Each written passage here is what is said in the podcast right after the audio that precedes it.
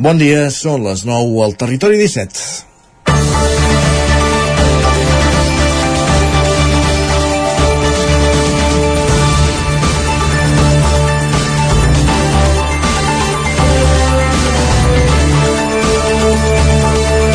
L'accés a l'habitatge és un problema recurrent. El mercat per si sol, a l'empara de la llei de l'oferta i la demanda, és incapaç de trobar la sortida a un embolicat laberint entre els preus de compra sovint prohibitius i uns imports de lloguers a l'alça. Per això, des de la política s'hi vol intervenir. La llei de l'habitatge, aprovada aquesta primavera al Congrés, dota les administracions d'eines correctores. Una és el topall als preus de lloguer en les anomenades zones tensades, municipis on existeixen dificultats per accedir a un immoble i on l'oferta d'habitatge assequible és insuficient. Vic, Manlleu, Torelló, Ripoll, Tona i Calldetenes hi estan incloses. Quan es desplegui caldrà veure quin impacte real té.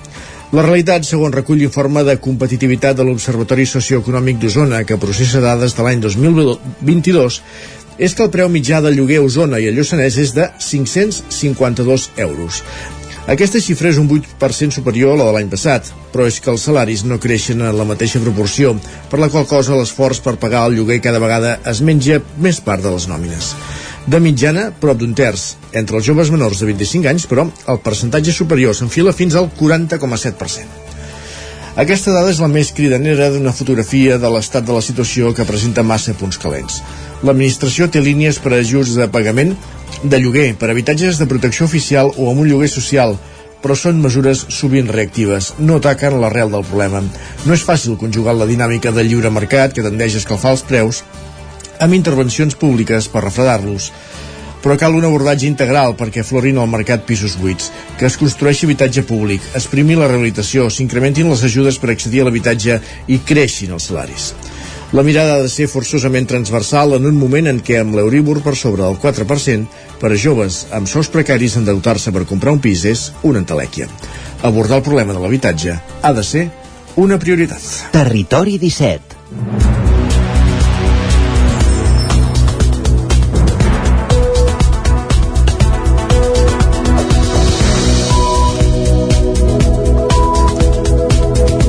Dilluns 26 de juny de 2023. Comencem setmana, comencem el territori 17 d'aquest dilluns. Com dèiem, 26 de juny de 2023, com passen dos minuts i mig de les 9 del matí, el territori 17, el magazín de les comarques del Vallès Oriental, l'Osona, el Ripollès, el Moianès i el Lluçanès, que us fa companyia cada matí a la sintonia d'Ona Codinenca, Ràdio Cardedeu, la veu de Sant Joan, Ràdio Vic, el 9FM i també ens podeu veure a través de Twitch, YouTube, el 9TV i la xarxa més. Per què? Per oferir-vos quins continguts? De quina manera? Doncs tot seguit us avancem el, el menú del dia d'aquest matí de dilluns. Començarem aquesta primera mitja hora abordant les notícies més destacades de les nostres comarques, les notícies del territori 17, en connexió amb les diferents emissores que cada dia fan possible aquest programa, les que acabem de citar. A partir de, també, un cop repassada l'actualitat, farem un cop d'ull a la previsió del temps amb el nostre home del temps, en Pep Acosta. Després d'una nit calorosa, volem, voldrem saber com evolucionen les temperatures les properes hores i els propers dies. I també anirem fins al quiosc amb en Sergi Vives per repassar quines són les portades dels diaris del dia. A dos quarts, com cada dia pujarem al tren, a la tren d'Alba, a l'R3, a dos quarts de deu, amb l'Isaac Muntades, recollint les cròniques dels oferts usuaris de la línia de tren Barcelona-Granollers-Vic, Ripoll-Puigcerdà, la de l'R3, i a partir de dos quarts, i just després d'això, a dos quarts i algun minut, conversarem amb l'Assumpció Ros, des d'Ona Codinenca, en companyia d'en Roger Rams, Conversarem, com dèiem, amb l'Assumpció Ros l'entrevista, és la gerent de la Fundació Santa Susana de Caldes de Montbui, per conèixer una iniciativa que consisteix en implementar l'ús d'aigua termal per rentar la roba, fet que pot suposar un estalvi de més de 4 milions de litres d'aigua de la xarxa a l'any. La setmana passada conversàvem amb els organitzadors de la, de la festa, de l'Escaldàrium, que també ens parlaven que utilitzarien aigua termal en algun dels seus espectacles per estalviar aigua, i ara el mateix passa doncs, amb aquesta fundació, amb la Fundació Santa Susana, que s'ho planteja en el seu cas per rentar la roba. Acte seguit conversarem amb la, donarem pas a la Laura Serrat una setmana més des de Ràdio Vic per conèixer iniciatives a l'entorn solidari de les nostres comarques, els solidaris, i avui parlant del projecte Gambeta. Notícies a les 10, la previsió del temps i a l'entrevista esportiva a partir d'un quart d'onze. avui anirem fins a una codinenca on en Roger Rams conversa amb l'Isma Toneu, l'entrenador del Club de Futbol Sant Feliu a la temporada del centenari i de l'ascens de segona, a la segona catalana. A partir de dos quarts d'onze, recta final del programa, ens endinsem al món de Twitter i tot seguit la tertúlia esportiva amb els tertulians habituals i esperem que millor veu al llarg d'aquest programa. Comencem, per tant, al Territori 17 repassant les notícies de les nostres comarques, les notícies del Territori 17, explicant-vos que després d'una setmana de la Constitució dels Ajuntaments eh, donem veu al, al nou alcalde de Vic, al Pierre Castells i a la cap de l'oposició, Maria Balàs, que evidentment veuen les coses des d'un prisma molt diferent. Sergi Vives. Amb la lectura dels resultats, Junts havia de liderar el govern, però també de fer coalicions. Xavier Ferrés, d'Ara Pacte Local, va tenir la clau per formar govern. El pacte els va fer sumar 10 vots dels 21 del consistori. Des d'Esquerra, però, no validen aquest acord de govern. Sentim Albert Castells i Maria Balasc tenim un acord molt sòlid, estem molt contents i de fet venim, vivim a tot el país doncs, una setmana de pactes i que lògicament deixen descontents sempre a part de les militàncies i a la ciutadania no? però bé, la democràcia té aquestes normes no? quan el consistori és divers han de buscar suports No el podem donar per bo bàsicament perquè estem parlant d'un partit que és ara que és PDeCAT i que per tant surt d'aquesta desunió de Convergència i Unió no? i que surt Junts i surt PDeCAT i, i ara es tornen a unir per tant tornem a tenir un govern govern que mira cap a la dreta de totes maneres, els dos grups asseguren que tenen la porta oberta per tirar endavant els projectes que duien al programa.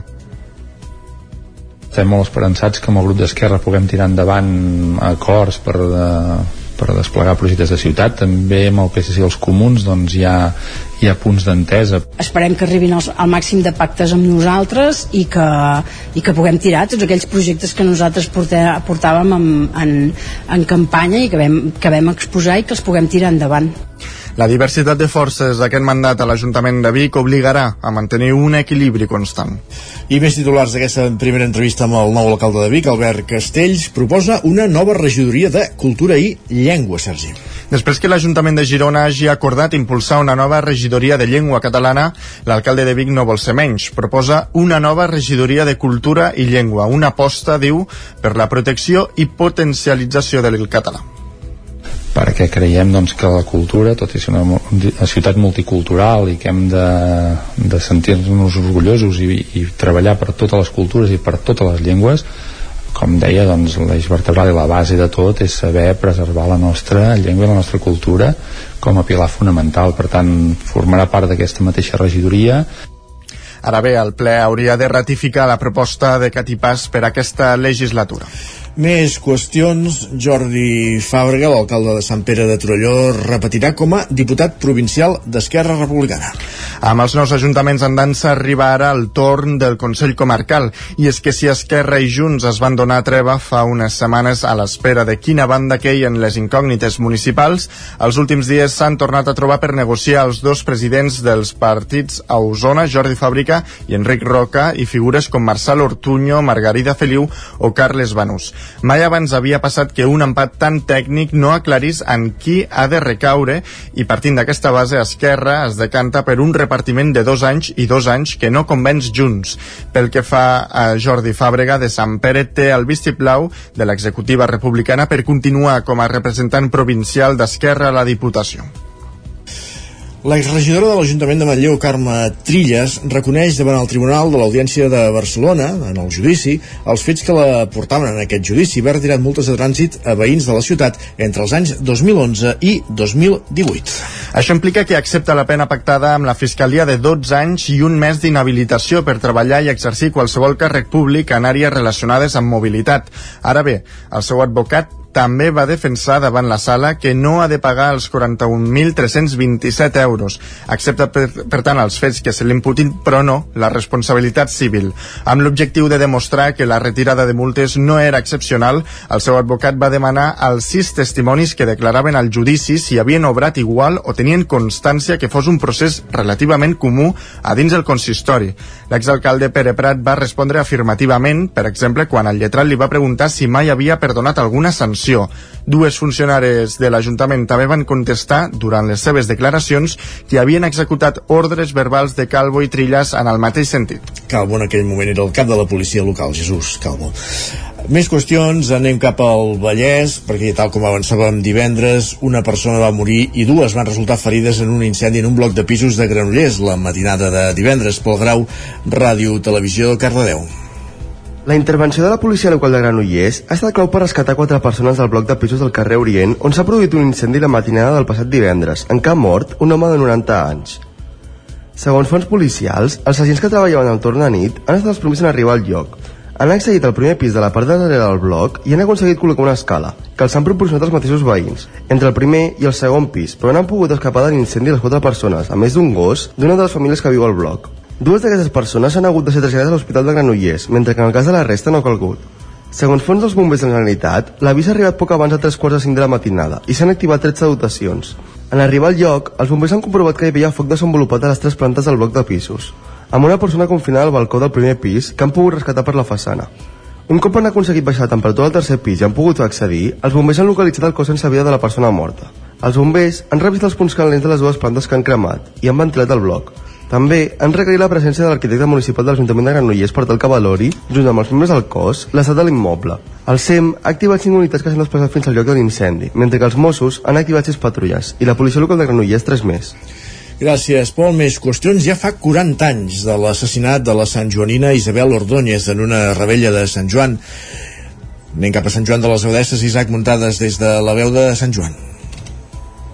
Coincidint amb la rebella de Sant Joan d'aquest passat divendres, es van complir 40 anys de l'assassinat de la jove Sant Joanina de 20 anys Isabel Ordóñez Pous. Els fets van ocórrer el dijous 23 de juny de l'any 1983, tal com relatava la periodista de successos del Punt Avui, Tura Soler. Ordóñez, que era estudiant d'empresarials, va decidir anar-se'n al pis d'estudiants de Barcelona que compartia amb unes companyes per poder estudiar l'últim examen del curs, lluny del bullici de la rebella de Sant Joan. Ordóñez va demanar-li a la seva mare i al seu germà petit Jordi si la volien acompanyar, però amb dos van acabar quedant-se al poble. Quan va arribar a Barcelona va trucar a la seva tieta dient que no s'havia pogut quedar al pis perquè l'havia trobat tancat amb dues claus i només tenia una de les dues cobrient el pany. La Isabel ja no va tornar a casa. Josep Bassaganya, que feia pocs dies que havia estat elegit alcalde de Sant Joan, recordava com s'havia viscut aquella nit. De la casualitat que jo me'l recordo molt perquè estàvem en un concert allà al, al claustre del, del monestir i eh, hi havia la família que estava preocupada perquè havien dit que arribaria al voltant de les 12 i no va arribar i esclar, era una, una noia que realment doncs,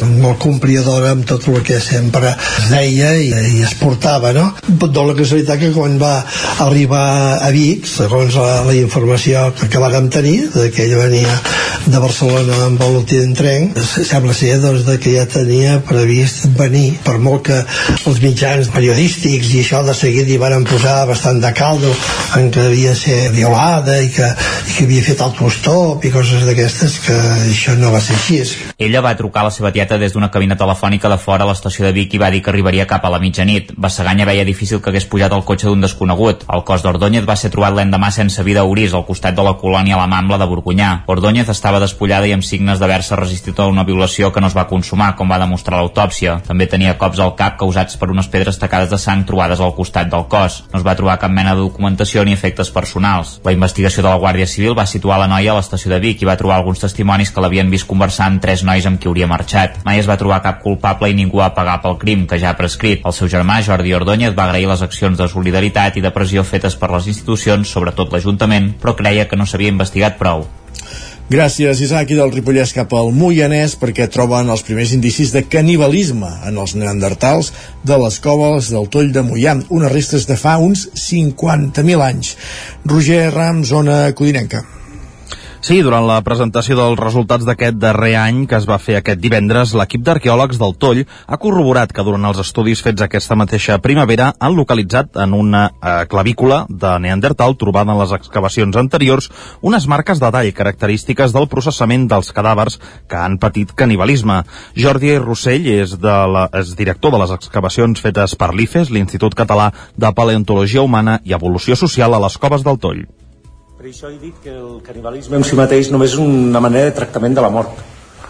En d'altres llocs s'enterren, aquí potser es mengen, en d'altres llocs igual els llançaven al barranc o els exposaven als carnívors. No? Són modalitats que, bé, quan parlem d'unes ments sofisticades com eren els neandertals fa 50.000 anys, doncs segurament aquesta, aquesta gent ja tenien una diversitat de comportament eh, davant la mort, a la qual reconeixien, i al davant de la desaparició dels membres del seu propi grup que potser els porta a cometre aquest tipus de, d'activitats.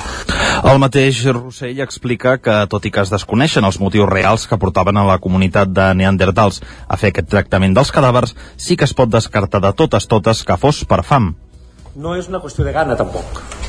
Val? Les dents no ens estan donant estrès eh, alimentari Val? Les, les proves, els anàlis, les analítiques que s'han fet amb les dents, l'únic que s'està veient aquí i a qualsevol altre lloc en el qual hi ha dents de neandertals, el que es troba és un moment d'estrès de alimentari que és el moment de deslletament, que el tenim tots, no? pràcticament, o sigui, ells tenen el mateix que nosaltres. Troballes anteriors com les dents de tres individus més que estaven arrencades sense cap necessitat aparent també apunten que el canibalisme era una pràctica utilitzada pels neandertals del Toll de Mollà. Gràcies, Roger. I un últim apunt per explicar que la cultura digital serà el centre d'un nou cicle que es posarà en marxa a Vic durant el darrer trimestre d'aquest any 2023, Sergi. El cicle es centrarà en el camp creatiu que es fa des de la tecnologia. Es concretarà en diversos àmbits, des de l'exhibició a les activitats formatives, passant pels laboratoris de creació.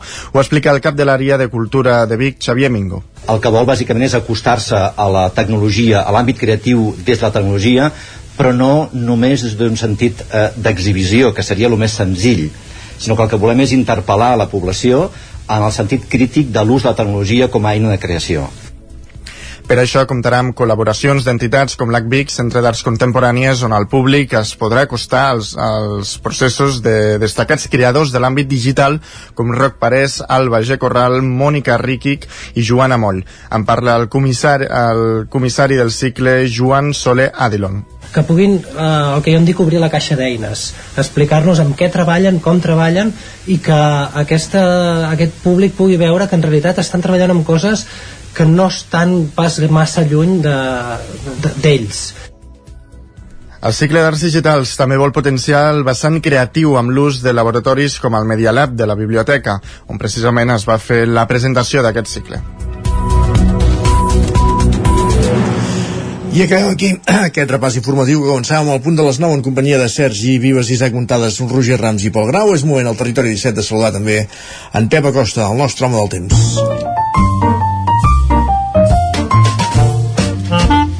Casa Terradellos us ofereix el temps. Perquè ens ha costat agafar el son aquesta nit, eh, ha costat dormir, les temperatures eren altes i volem saber si això continuarà així els propers dies i les properes hores. Pep Acosta, benvingut, bon dia.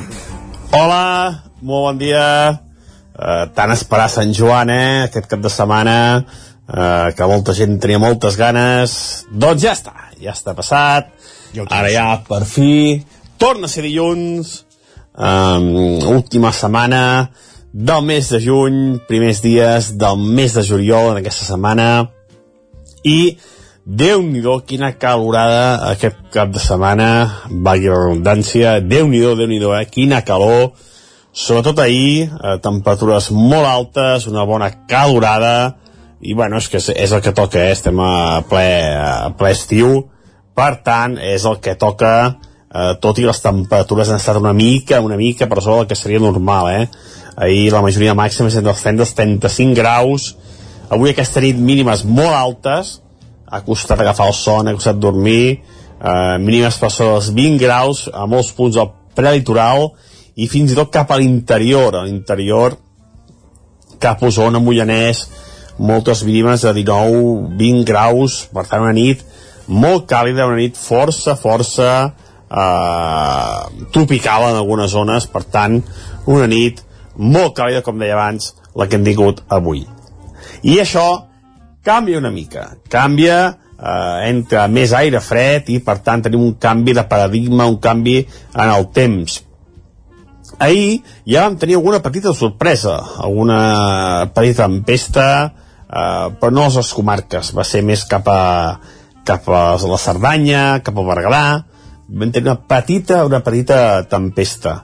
Doncs bé, avui ens veiem molts pocs núvols, eh, com dèiem, les temperatures ja força altes, però les temperatures avui no pujaran tant com ahir. Es quedaran 2-3 graus més baixes. Uh, no farà ni a bon fresqueta ni cap cosa d'aquestes, però sí que farà una mica menys de calor. Notarem una mica, mica menys. I el que notarem, sobretot, això sí que notarem, són les tempestes d'aquesta tarda. Uh, a partir ja de la una, de les dues de la tarda, veurem com creixen nuvolades i eh, de cara a les 3, 4 començaran a descarregar les primeres tempestes.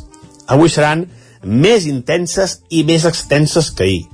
Hi ha un avís del Servei Meteorològic de Catalunya per Ripollès i per Osona. Poden caure més de 20 litres en 30 minuts. Per tant, on pot ploure més aquesta tarda és cap a Osona i cap al Ripollès. Jo crec que plourà en algun lloc unes tempestes bastant importants de 30-40 litres. No es descarten cap al Moianès i cap al Vallès, però és més improbable que arribin. Uh, no, no aniran tant cap al sud aquestes tempestes, estaran més localitzades cap al nord. Els vents febles, tot i que entra una mica de tramuntana, una mica d'aire més fresc entra i eh, s'emportarà aquesta massa d'aire més calenta que tenim a sobre. I això és tot, a disfrutar el dia d'avui, a disfrutar aquesta setmana, comença una nova setmana, amb unes temperatures una mica més baixes i amb aquestes tempestes que tenim a la tarda, sobretot cap al nord de les nostres comarques. Moltes gràcies, adeu.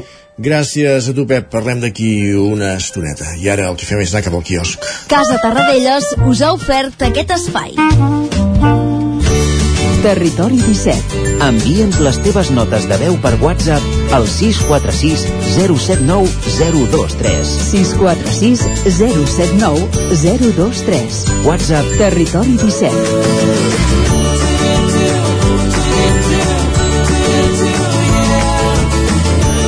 Territori 17. Som a Facebook, Twitter i Instagram amb l'usuari Territori 17.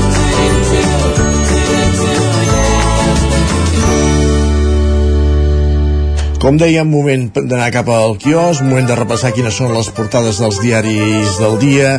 Sergi Vives, per on comencem? Doncs avui és dilluns, comencem per les portades del 9-9, en concret per la d'Osona, el Ripollès i Lluçanès, que avui ens expliquen que els joves de menys de 25 anys han de destinar un 40% del sou a pagar el lloguer. Expliquen que el preu mitjà s'enfila fins a 552 euros i a Vic, Manlleu, Ripoll, Torelló, Tona i Call de Tenes es posaran topalls màxims. També tenim un protagonista en aquesta portada i és el, Claret, el claretià Joan Soler, president del casal Claret de Vic, que dissabte va celebrar els seus 50 anys d'ordenació amb una missa, una pregària que va plegar diferents religions i un sopar. Molt bé. Doncs també ens afegim a les felicitacions per aquests 50 anys de sacerdoci de Joan Soler. I a més a més també eh, en aquesta portada eh, trobem aquestes primeres proves de canibalisme entre neardentals que s'han trobat a l'excavació de la cova de les Teixoneres, això que ens explicava ara mateix el Roger Rams les teixoneres de les coves del Toll de, de Mollà. Més qüestions, anem a la portada del Vallès Oriental. Doncs mira, ens diuen que el 40% de les persones que atén Càritas són infants i joves menors de 25 anys. Expliquen que l'organització ha tingut cura de 3.389 famílies al Vallès Oriental durant el 2022. També destaquen un incendi mortal al carrer Orient de Granollers. Expliquen que un home de 90 anys hi perd la vida i dues persones s'intoxiquen amb el fum. Anem cap a les portades dels diaris catalans que s'editen des de Barcelona. Doncs mira, avui el protagonista tant de premsa catalana com espanyola és Putin. Ah, pensava que anaves a dir Pedro Sánchez. Vaja. No, no. El punt avui, de fet, diu que est està tocat. Expliquen que la revolta, tot i que frenada, projecta una imatge de debilitat al món. Els mercenaris de Wagner tornen a les bases i Moscou recupera la normalitat. El Mundo diu que la seva debilitat davant el cap dels mercenaris, a Prigozhin, és percebuda una oportunitat per Occident i el país apunta, però, amb el temor que Rússia redobli els seus atacs contra Ucraïna per demostrar la seva força. La, la Vanguardia destaca la incertesa d'aquesta situació. Expliquen que el silenci de Putin i les incògnites sobre els pactes amb el cap dels mercenaris susciten dubtes sobre el desenllaç de la crisi. Carai, ja ha estat un cap de setmana tens, si més Mogudet, no, no? a Rússia, sí, exacte. Um, canviem de qüestió. El, el periòdico diu que l'antifeminisme cala entre els adolescents a les aules. Expliquen que diversos estudis alerten del creixement d'un negacionisme masclista. Apunten que els educadors detecten un efecte rebot de, dels nois i una assimilació del discurs de l'extrema dreta. Lara diu que el PP imposarà el 25% de castellà a les aules si guanya. Expliquen que els populars creuen que el pacte amb Vox no els penalitza i fins i tot que governaran en solitari. Afegeixen que a Catalunya creuen que l'opció de mínims serà aplicar la sentència del Tribunal Judicial sobre el català. Ai, senyor, en fi. Bueno, diria, no, diria massa coses i massa opcions. No fa falta dir res. Què més? Eh, de fet, la, la Razón diu que el pols entre Vox i el PP no impedeix un canvi de govern. Segons ells, aquestes dues formacions aconseguirien la majoria absoluta, tot i que hi ha enquestes que diuen tot el contrari, aquí cadascú agafa l'enquesta que li va bé, també. Eh? Evidentment, sí, sí. Um, L'ABC diu que un mosso d'esquadra va posar dades, uh, va passar dades a Tsunami sobre la seguretat del rei. Expliquen que la informació era sobre una visita de Felip i Letícia als princesa de Girona. Carai. I altres titulars que trobem... Ara, ara ja no passaria, perquè com que ja no els hi conviden en aquests premis... No, no, clar, ara... Altres titulars que ens trobem a les portades d'avui són, per exemple, la victòria a les eleccions gregues del conservador Mitsotakis. La Vanguardia diu que aconsegueix la victòria a la majoria absoluta i permetrà, doncs, que continuï governant Grècia. I qui també ha guanyat, en aquest cas parlem d'esports, és Carlo Alcaraz, que ahir va aconseguir el seu primer títol al torneig de Queens, tot plegat després de derrotar, diu al Mundo, a l'australià Àlex de Minaur. Per altra banda, l'ABC diu que Sánchez utilitza el Ministeri de Cultura per pagar els recolzaments al Congrés. Expliquen que Miquel Iceta va assumir el 32% de les esmenes totals dels pressupostos generals que el govern va pactar amb els seus socis de legislatura. I acabem ara amb La Vanguardia, diu que els pactes locals de Catalunya segellen el domini del PSC. Expliquen que els independentistes arriben a més acords amb els socialistes que entre ells. Sí, això, de fet, no cal gaires estudis per parlar-ho, però vaja, en fi. Gràcies, eh, repassem ràpidament digitals, edició d'Osona i el Ripollès del 99.cat. Doncs mira, també ens trobem que els joves es gasten quasi la meitat del sou en el lloguer. I a l'edició de la Vallès Oriental? Doncs que mor als 90 anys Rosa Julivert, que va ser eh, priora de Puiggràciós. Acabem aquí aquest repàs de les portades. Gràcies, Sergi. Fem una petita pausa i tornem d'aquí 3 minuts al Territori 17. El nou FM, la ràdio de casa, al 92.8. Escriurem aquest estiu vine a viure el Festival Macroclima a Camprodon. Miqui Núñez, Blaumut, Helena Gadel, Missima, Pau Ballé i molts més us esperen en un entorn immillorable. També concerts pels més petits amb Xiula i de Marisa Labert, l'humor de Quim Esferrer i una àmplia oferta de gastronomia de la vall. Compra ja la teva entrada i vine a Camprodon a gaudir del macroclima. Davant l'escassetat hídrica, fem un consum responsable de l'aigua, perquè cada gota que estalviem serà una gota més per al planeta. No et quedis sec. Tanca l'aixeta. Akbar amb tu.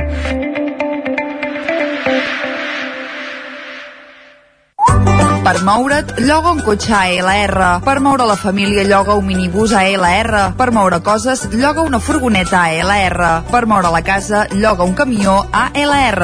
Lloguer de cotxes, furgonetes i camions ALR.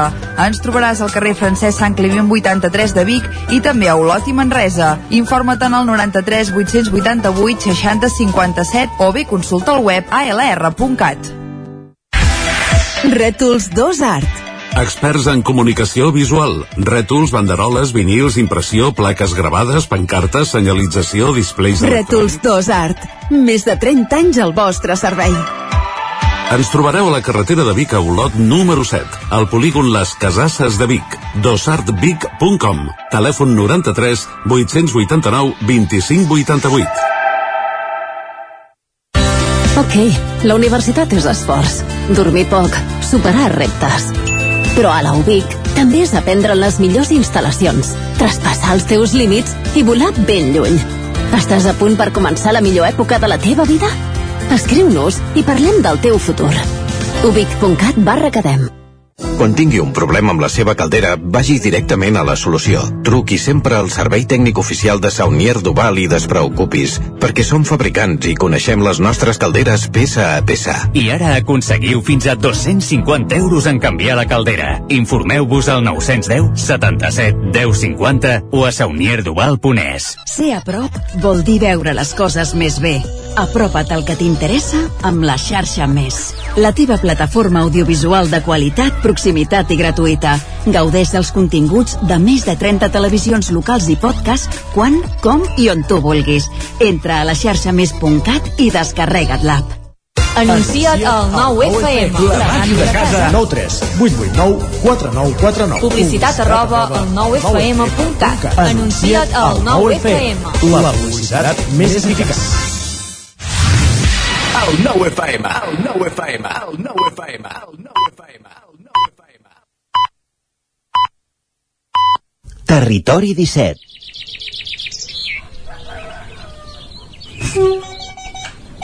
A Tren d'Alba.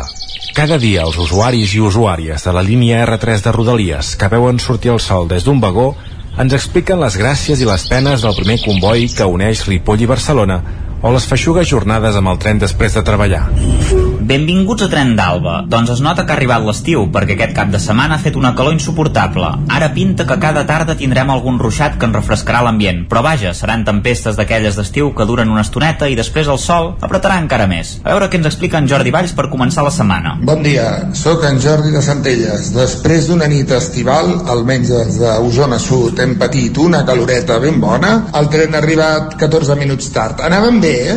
Anàvem bé, però els túnels, no sé, anàvem fent cua, però cua, cua, eh? Semblava, semblava tots aquests que han sortit de Barcelona el cap de setmana divendres, que van fer no sé quantes hores de cua, però nosaltres en transport públic i en tren. És una altra cosa que s'hauria de pensar. Si hi ha tantes res- restriccions per entrar a Barcelona, per què no poden haver restriccions per sortir de Barcelona? Ho dic perquè, clar, col·lapsar les carreteres quan hi ha gent a lo millor que de, de l'interior que s'ha de bellugar o que va cap a la costa, viuen per allà i no es poden bellugar aquell dia perquè està ple de cotxes de gent de Barcelona o forània o de l'àrea metropolitana hosti, també hauríem de plantejar això. Jo proposo els dissabtes al matí i els diumenges al matí com no tenen alternativa tallar un carril entre la Garriga i Centelles perquè puguin anar els ciclistes. I si hi ha cua de cotxes mala sort. I si marxeu al cap de setmana ho sento per als que agafeu el cotxe i sou de l'àrea metropolitana si ens escolta algú.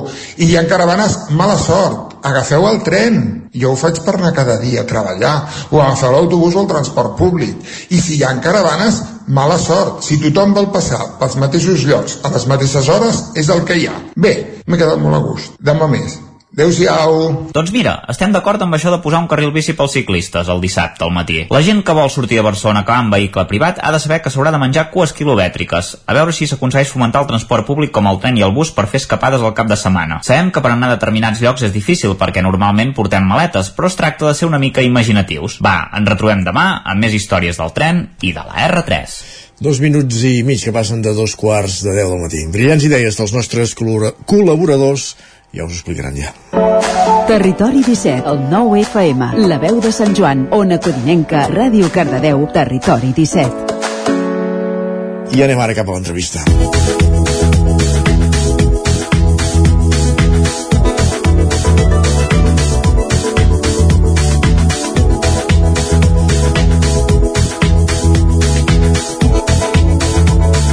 Avui anem cap a una codinenca per conversar amb l'Assumpció Ros, la gerent de la Fundació Santa Susana de Caldes de Montbui, per conèixer una iniciativa que presentaven ara fa uns dies que consisteix en implementar l'ús d'aigua termal per rentar la roba, fet que pot suposar un estalvi de més de 4 milions de litres l'any a la xarxa pública. Als estudis d'una codinenca hi tenim un matí més en Roger Rams. Aquí saludem primer de tot. Roger, benvinguts. Bon dia. Bon dia, què tal? Doncs sí, com deies, Isaac, avui volem parlar amb la Fundació Santa Susana de Caldes sobre aquesta iniciativa i també sobre alguna més, i per això saludem a aquesta hora l'Assumpció Ros, gerent de la Fundació. Bon dia, Assumpció. Bon dia, bon dia. Què tal? Doncs, mira, primer de tot volíem començar parlant una mica de, per tal de conèixer aquesta iniciativa que presentàveu, o que si més no coneixíem la setmana passada, que consisteix en tirar la mirada enrere, eh, el que s'havia fet a Caldes tota la vida, i rentar la roba amb aigua termal. Explica'ns una mica en què consisteix aquesta iniciativa. Eh, Bé, nosaltres eh, des de ja fa uns quants anys estem preocupats amb el tema de, del medi ambient i de poder col·laborar en ser el més ecològics possibles i realment no seria molt novedós. Eh, sempre hem rentat l'aigua, amb la roba de la casa amb aigua termal però, la, però calenta. Eh? I aquesta vegada doncs, eh, hem estat pensant sobre com també eh, refredar aquesta aigua, que, que ho hem de, ja ho fem, o és possible de fer-ho, la refredem per un cantó robant-li temperatura per la calefacció de l'hivern i al robar-li temperatura ens va semblar que podíem aprofitar aquesta aigua més freda, que també es refreda mentrestant, per les rentadores per l'aigua freda. Per tant, això ha permès que en comptes de fer servir l'aigua de la xarxa pública freda, poder fer servir aquesta amb aquest estalvi tan important que acabeu de dir, perquè jo sabia el dia, però clar, multiplicat per 365 doncs fa molt goig. Sí, sí, Ens interessa molt estalviar aigua i tant per la, per la població en general com perquè nosaltres també ens resulta un estalvi de diners molt important de poder de no haver de pagar aquesta aigua freda. Està clar. I així estem, anem, anem, anem, anem imaginant idees perquè puguem contribuir a tenir la menor despesa energètica possible. Perquè el cas quin és? Que l'aigua termal no s'acaba? Diguéssim, n'hi ha més Per ara, disponibilitat que... nosaltres, clar, nosaltres som la Fundació Santa Susana, fet ja es va crear eh, en, el, en la Font del Lleó, on ara hi ha el Museu Termàlia, ja es va fundar aquesta fundació en 1386 amb aigua termal perquè era un hospital de pobres i per tant anava bé per, per poder-los atendre i fins a data d'avui estupendament bé doncs continuem tenint un dret a l'ús de l'aigua termal i, i això és el que estem fent. Sempre hem estalviat l'aigua calenta sanitària, també durant molts anys hem tingut banys per la població, que es van tancar a finals del segle passat, i ara doncs, anem buscant-li totes les màximes utilitats perquè realment tant l'aigua com l'energia per escalfar-la són molt valuoses i val la pena de treure'ls el màxim de profit. Mhm, Està clar. Quin és el procés de tractament que heu implantat, diguéssim, per poder utilitzar aquesta aigua? En aquest cas ens explicaves per refredar l'aigua, no? Diguéssim, per també rentar amb aigua Sí. freda? Bé, la, la, un cop, com he dit, ara a l'estiu es menja, eh? però l'hivern, com que aquest hivern ja hem, ja hem aprofitat l'escalfor per passar-la a l'aigua a l'aigua de la calefacció, eh? Doncs la, el pugem al pis de dalt, al, al pis més alt de l'edifici, el refredem amb uns dipòsits durant, durant tot el procés, els anem passant d'un dipòsit a l'altre fins que refreda, i llavors hem fet una connexió específica a l'entrada de les rentadores a la part de l'aigua freda, quan es baldeixen, quan es baldeixen la roba. I fins aquí, o sigui, suficient per estar molt contents. També tothom diu que l'aigua termal doncs, deixa la roba neta, més neta i, i, més suau, o sigui que no podem demanar res més. Mhm. És un, és un recurs, l'aigua termal, eh, aquí a Caldes Assumpció, que el teniu ben present, també ho parlàvem fa uns dies, la festa de l'Escaldàrium, que per exemple ha apostat no, per també fer servir aquest recurs per tal de no malbaratar aigua de, de la xarxa. Uh, explicaves ara el, la iniciativa aquesta que heu tirat endavant a l'hivern, d'escalfar bona part de les instal·lacions amb l'aigua termal. El balanç és bo? És a dir, és, és uh, eficient? Ah, bé, no, no ho fem amb l'aigua termal perquè la- l'aigua termal no pot circular per, pels radiadors perquè eh, no faria malbé els radiadors. El que fem és amb un intercanviador passar l'escalfor de l'aigua termal a l'aigua que està en el circuit de la calefacció i amb una circulació de 24 hores doncs té una temperatura estable, que manté una, temperatura, una temperatura estable en les nostres, a tot l'edifici. Eh? Per tant, eh, el que fem és robar-li la temperatura a l'aigua termal i, i, i la que tenim freda la fem servir ara per les rentadores, és a dir, li traiem tot el màxim profit possible. La calefacció, amb això hem estalviat molt gas, eh? que també és un altre, un altre consum que ha esdevingut molt car i que també ens ha ajudat a no tenir que pagar tants diners com, que de fet no tenim eh? per poder afrontar totes aquestes despeses que s'han disparat amb la inflació. Uh -huh. Els que no som de Caldes ens meravellen tot aquest sistema, tenint en compte això, que, que, que anem implantant eh, nous mètodes per escalfar-nos, com pot ser la geotèrmia i tot plegat, i, i en aquest, cal, eh, aquest cas a Caldes teniu el, el recurs propi. Per curiositat, a quina temperatura surt l'aigua eh, termal? Uh, uh, uh, en el centre, la Sallador ja ho posa, no? Em sembla que són 70 graus, i a nosaltres, com que ha un recorregut, uh -huh. uh, de, des de Sallador fins a Fonibuet 16, doncs arriba a uns 60 graus. Eh? 58, 60, uh -huh. sí. A ban... contents. Oh, tant. A banda, és un recurs, evidentment, que, que facilita molt les coses i més, com deies, ara en temps com els que estem passant aquests darrers mesos. A banda de l'ús de l'aigua termal, en els darrers mesos heu fet també l'aposta decidida per l'energia solar i us ha convertit en un dels motors de la comunitat energètica local de Caldes fet sí. que us permet aprofitar molta energia del sol i com, com, com l'apliqueu, sí, sí. què, què en feu d'aquesta energia, què suposa d'estalvi per, per l'entitat? Clar, tu imagina't, eh, és com una casa, la, la Fundació de Santa Susana és com una casa però multiplicada per, per molta gent i per molts metres i per tant, de fet, amb les plaques solars que tenim només cobrim el 30% de la despesa elèctrica de, de, de la casa, perquè, clar, imagina't, entre la cuina, les rentadores, tota la il·luminació, que és molt important, eh, clar, tenim una despesa molt elevada, i llavors amb això doncs, tenim un estalvi, vam fer una, per desgràcia, amb la pujada del preu de l'electricitat, doncs vam calcular que amortitzaríem la instal·lació en 7 anys i pensem que, que l'amortitzarem abans perquè com que ha pujat el preu de l'electricitat, doncs l'amortitzarem abans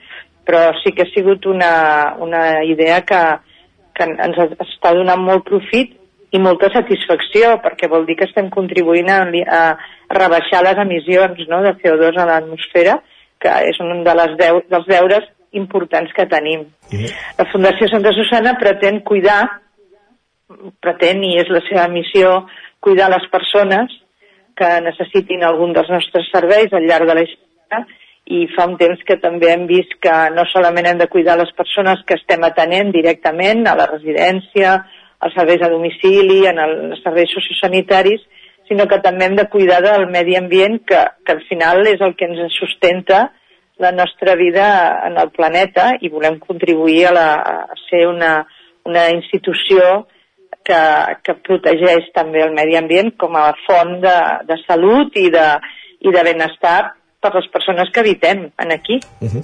I entenem, per tant, si formeu part d'aquesta comunitat energètica, que part de l'excedent es, es destina doncs, a, a la comunitat, no? Diguéssim que... que es... No, sí, però no tenim excedent, eh? perquè, com he dit abans, realment les nostres plaques solars només en, ens estalvien, ens produeixen el 30% del consum que tenim de la pròpia institució. Eh?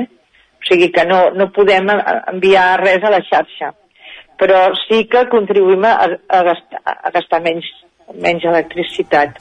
Tenim, tenim programat el, el edifici al darrere d'habitatges per gent gran i en allà també n'hi posarem de plaques i està previst que tota la taulada ho sigui i allà sí que amb aquest projecte sí que aconseguirem eh, que tinguem gairebé tota la, tota l'energia elèctrica eh, eh, de, en procedència de, de, de l'energia del sol. Mm -hmm. Ja per anar tancant, Assumpció, i parlant també d'altres equipaments que teniu en marxa de cara al futur, volia preguntar-te per com avancen les obres del nou tanatori que la Fundació està construint a, a Caldes i alhora si aquest equipament també tindrà les renovables eh, com a protagonistes. Uh, va avançant, és una obra gran que impressiona una miqueta, i, però afortunadament ja hem, abans, ja hem començat i ara ja esperem que tot tingui el ritme adequat per poder inaugurar l'any que ve, la tardor de l'any que ve, si tot va bé.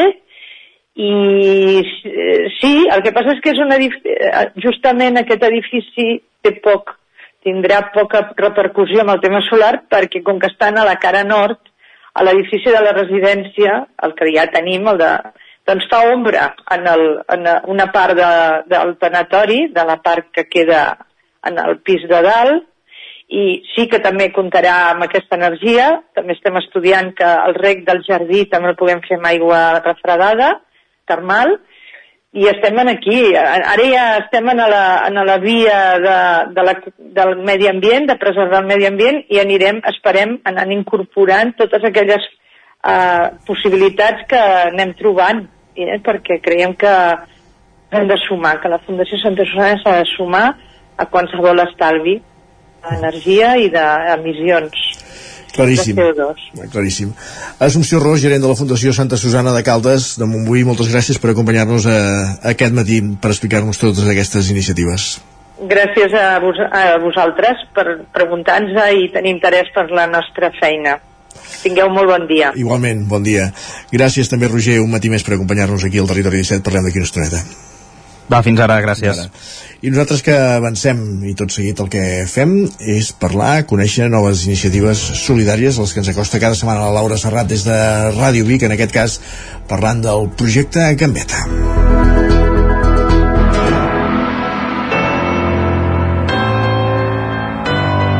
Territori, Territori 17. 17.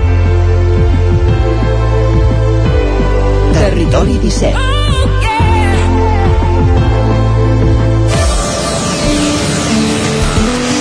Moment d'anar cap a Ràdio Vic, ara que són tres quarts de deu del matí, moment de saludar una setmana més la Laura Serrat i conèixer doncs, noves iniciatives o iniciatives socials que es produeixen a casa nostra, al nostre entorn. Avui ens fixem en el projecte Gambeta. Laura Serrat, benvinguda, bon dia. Continuem amb el nostre camí per descobrir l'atenció a la infància i ens quedem a la nostra comarca, Osona, on avui, des de Ràdio Vic i a través de l'antena del Territori 17, coneixem una entitat força diferent. Us imagineu un projecte que ofereixi oportunitats educatives i professionals a través del futbol i que arribi des de Vic fins a Colòmbia? Doncs és el cas de Gambeta, una entitat que té com a propòsit reduir l'índex de desescolarització entre nens i joves d'entre 6 i 17 anys en risc d'exclusió social que enfronten moltes dificultats en la seva vida personal i educativa. Inspirada en l'escola de futbol no competitiu del Club Oar Vic, la metodologia Gambeta treballa per facilitar la integració, practicar l'esport col·lectiu, treballar la intel·ligència emocional, els hàbits i valors i el reforç acadèmic. I és que aquest projecte biguetà també ha creuat l'Atlàntic i ha arribat a Bucaramanga, una ciutat del nord de Colòmbia, on porten a terme la mateixa acció. Ens ho explica en detall en Pep Novelles, fundador de Gambeta. Mira, l'entitat es diu eh, Associació Futbol, Educació i Integració Social i el nom, diguem-ne, que utilitzem és el de, el de Gambeta. I és una associació sense ànim de lucre format ONG per tal d'ajudar nens i nenes a evitar la desescolarització prematura. Tant ho fem aquí a Vic com ho fem a, a Colòmbia, a la ciutat de Bucaramanga. I ho fem a través d'un vehicle que nosaltres és molt significatiu, que és l'esport, a través del futbol, en aquest cas de la metodologia de l'Obar Vic, que és l'escola de futbol social no competitiva, perquè així pot jugar tothom sense que hagi de tenir habilitats físiques ni tècniques necessàries i a partir d'aquí també el que s'utilitza molt és el tema de acompanyar-los amb, amb temes de valors i que millorin a nivell, diguem-ne, de gestió emocional, també els acompanyem amb, amb educadors socials per poder doncs, gestionar doncs, les seves dificultats que puguin tenir a nivell cognitiu i, i personal. Novelles explica que allò que el va impulsar a encetar aquest projecte va ser l'experiència vital de la seva mare, que el va motivar a oferir oportunitats als més joves. Ens va motivar el fet de que, per un cantó, la meva mare doncs, havia estat víctima de la Guerra Civil i en set anys es va desescolaritzar per ajudar a treballar al camp els seus pares per poder sobreviure perquè bueno, la Guerra Civil doncs, en aquest cas en concret el meu avi el van engarjolar i les circumstàncies diguem-ne econòmiques de la família els va obligar a haver de deixar els estudis. I és una cosa que ella sempre em recordava i els últims dos anys de la seva vida pràcticament només parlàvem de la seva infància i, i això m'ho va recalcar molt, que ella marxava molt satisfeta el dia que faltés perquè tots els fills havien pogut estudiar i havien pogut tenir un futur digne, cosa que ella no, no havia pogut tenir. I per altre cantó, això va venir combinat amb un viatge que vaig fer el, el novembre del 2017 a les muntanyes d'Antioquia, que la capital és Medellín, on feia tot just un any que s'havia firmat el pacte de pau de les FARC i les famílies d'aquesta zona d'alta muntanya on cultivaven la canya de sucre passava el mateix. És una zona molt, molt abandonada, molt allunyada de la ciutat, amb dificultats per accedir-hi, i els nens i nenes joves doncs ja de seguida es posaven a treballar al camp i molts d'ells deixaven els estudis. Per tant, em va fer pensar molt, molt amb la meva mare i per això, per un cantó, doncs, com a homenatge a la meva mare, doncs, el projecte i per altre cantó, per això també Colòmbia, a part de Vic. El fundador ens detalla els projectes que hi ha en marxa des de Gambeta, tant a Vic com a Bucaramanga, i la llista és llarga. Objectiu principal, oferir suport, recursos, formació personal i oportunitats a nens en situacions complicades i sempre amb l'ajut dels seus col·laboradors. Els projectes que tenim en marxa, un és aquí Vic, vam iniciar-lo al gener del 2022 perquè estava previst iniciar-lo al 2020, el que passa que la pandèmia ens ho va parar tot. A través de benestar social doncs, passen diguem-ne com una mica de llista de famílies que tenen nens o nenes diguem-ne amb dificultats perquè són famílies altament vulnerables i vam començar amb 15 nens nenes que els vam incorporar a l'escola de futbol social de l'Orbic. Llavors aquests 15 nens nenes nosaltres sabem qui són, però dins del que és el, el club, els nens que juguen amb ells a l'escola aquesta de futbol, que són uns 130, doncs ningú sap qui són, perquè l'has posat el samarret o t'has posat els pantalons, diguem-ne, ja no es veu la diferència que hi pugui haver entre uns nens i uns altres. Llavors el que fem a més a més, diguem-ne, són tallers de gestió emocional a través de les socials i tallers de gestió de conflictes i de comunicació no violenta i comunicació assertiva, alguns tallers també de dansa. El cas és que fem activitats paral·leles que les fem conjuntament amb altres nens, és a dir, no, no només fem amb els nens de, de gambeta, perquè no quedin molt identificats i no, i no se'ls pugui estigmatitzar.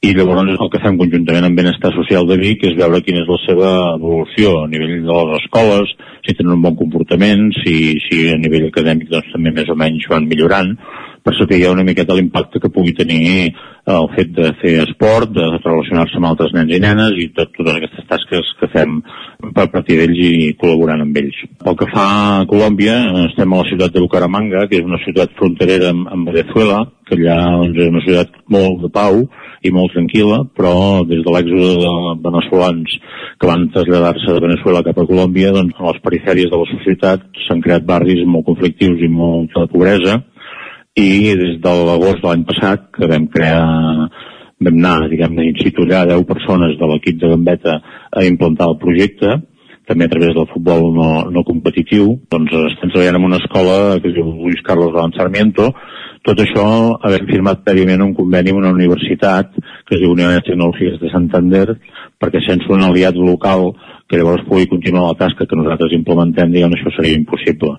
Llavors el que vam fer a l'agost del 2022 va ser estar tres setmanes allà formant amb monitors que són estudiants de l'últim de carrera d'Educació Física i Esport que fan com a pràctiques curriculars seves doncs les pràctiques en aquest projecte i cada sis mesos es van substituint aquests monitors per uns altres monitors. I a dia d'avui, diguem-ne, vam començar amb 90 nens a l'agost de l'any passat i ara al març vam tornar-nos a desplaçar i anirem a incorporar 30 més, per ja són 120 nens i nenes i ens diuen que això ha millorat molt l'actitud dels nens i de les nenes, inclús de la resta de nens i nenes de l'escola, perquè a tots els hi fa il·lusió incorporar-se en el projecte. A més a més, ara al març, a part de futbol, ja vam incorporar bàsquet, voleibol i ping-pong, perquè així també puguin disfrutar-ho els propis nens de l'escola. El projecte volia engegar a l'abril del 2020, però no va ser possible.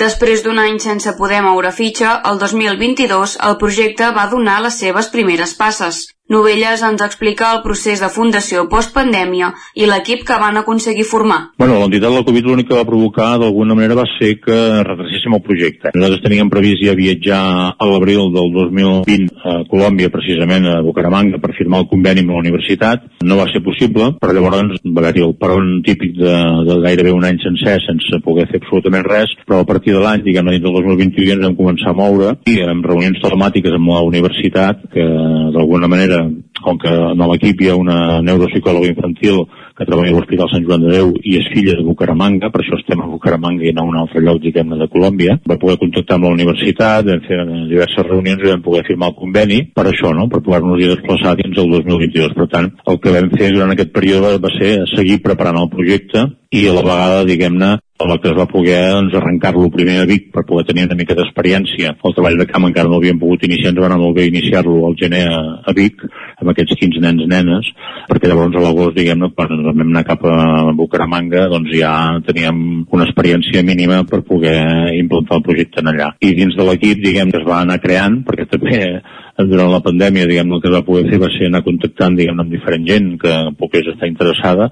I ja tenim dos educadors socials molt especialitzats, un, un en gestió de conflictes, que ha treballat en presons i en centres de menors, un altre en gestió emocional, que també treballa en centres de menors, Llavors tenim una, la neuropsicòloga infantil que treballa a l'Hospital Sant Joan de Déu, que era una de les promotores inicials conjuntament amb mi, amb mi mateix, quatre monitors esportius de, de l'Orbi que coneixen molt bé la metodologia de l'escola de futbol social i a més a més diguem, es va incorporar doncs, una persona de, de comunicació que és el que fan a les xarxes, una persona d'audiovisuals que va venir a fer un reportatge i vam poder gravar una miqueta les activitats que es van fer a Colòmbia, una miqueta perquè es pogués veure el treball que han fet abans de poder començar també a demanar ajuts i ingressos per part d'empreses i famílies conegudes. I a partir d'aquí doncs, ja començar a fer una xarxa i poder aconseguir doncs, ingressos que són absolutament necessaris per tirar endavant el projecte. I és que els ingressos, tal com diu Novelles, són molt importants. Des de Gambeta ens expliquen el funcionament de les seves finances. Els ingressos econòmics provenen principalment d'empreses conegudes dels membres de l'equip, que estan fent com de mecenes, diguem estan fent aportacions altruistes perquè creuen en el projecte. Nosaltres el que fem és en la pròpia pàgina web que vam crear en el seu moment és incorporar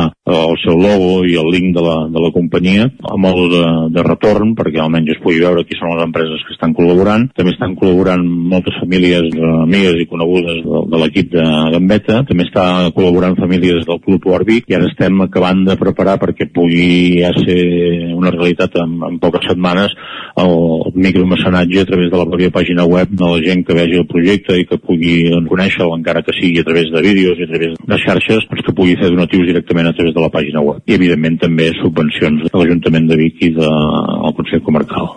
Els reptes que han d'afrontar dia a dia aquests joves són molts i diversos, des de situacions familiars complicades i fins a la impossibilitat d'accedir als estudis. El principal repte al cap i la fi és el seu dia a dia familiar. Són nens i nenes que tenen una vida molt precària econòmicament. Difícilment a casa seu els puguin ajudar a fer classes de repàs perquè o són analfabets alguns dels pares, alguns d'ells han de treballar moltíssimes hores per obtenir molt pocs sous, alguns d'ells inclús són drogadictes, per tant viuen en situacions molt precàries i en ocasions inclús amb dificultats de poder anar a l'escola i a vegades els propis pares, diguem-ne, els utilitzen per poder fer algunes activitats inclús il·lícites perquè nens menors de 14 anys, diguem-ne, són inimputables i llavors allà a Colòmbia, sobretot, doncs a vegades amb aquests nens, diguem-ne, els utilitzen com a mules per poder fer tràfic d'estupefents de, i nosaltres una miqueta el que intentem també tallers amb els familiars perquè adquireixin el compromís de mantenir-los a l'escola i de fer-los entendre que el futur dels seus fills passa per, per estudiar, per no abandonar els estudis abans d'acabar els estudis obligatoris i si poden fer estudis superiors molt millor, però que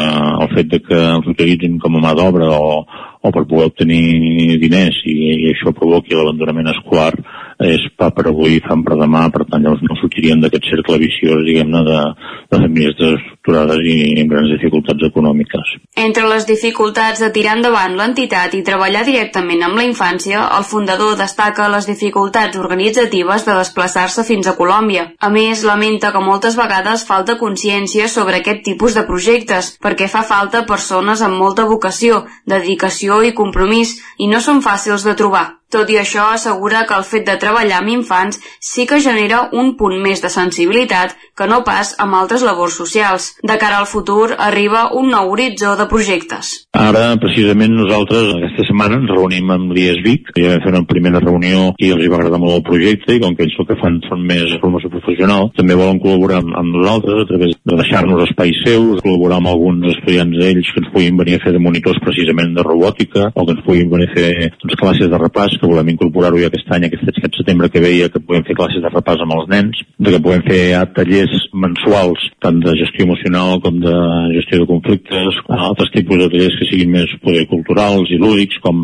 expressió corporal, a Colòmbia doncs, ja hem incorporat també sessions per trencar una mica el gel no només amb l'esport sinó sessions de, de cinema, sessions lúdiques, és una miqueta de, de, de buscar un tipus d'activitats que atreguin els nens i nenes independentment de que l'esport els agradi més o menys. Després també tenim intenció d'anar a veure altres entitats de diferents esports, sigui el bàsquet, sigui el voleibol, perquè no tots els nens i nenes han de continuar jugant al futbol, faltaria més, poden fer l'esport que els hi vingui en gust i els acompanyarem en aquests esports fins que acabin secundària. La nostra idea és això, acompanyar-los mínim fins que acabin secundària, que són els estudis obligatoris. I allà a Bucaramanga exactament igual. Per tant, és créixer en número d'esports, créixer en número d'altres possibles activitats que els nens, diguem-ne, els hi pugui fer il·lusió. El futur ideal el tenen clar. Seguir treballant amb tants nens com sigui possible i que puguin seguir creixent de forma autònoma. A més, els agradaria consolidar el projecte i seguir ampliant-lo a altres territoris d'alta vulnerabilitat, amb l'objectiu de donar eines i impuls als infants per ajudar-los amb les dificultats que se'ls presentin a la vida,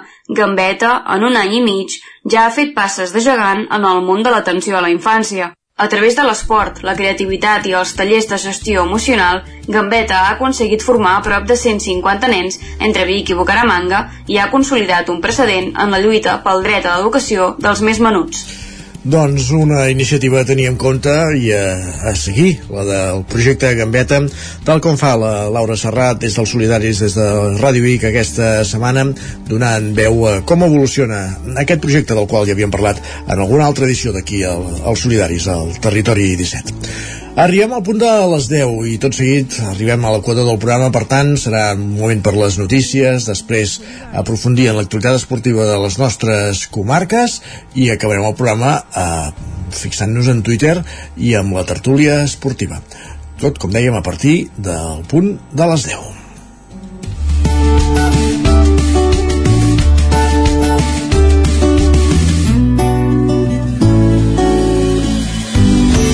Territori 17. Envia'ns les teves notes de veu per WhatsApp al 646 079 023. 646 079 023. WhatsApp Territori 17.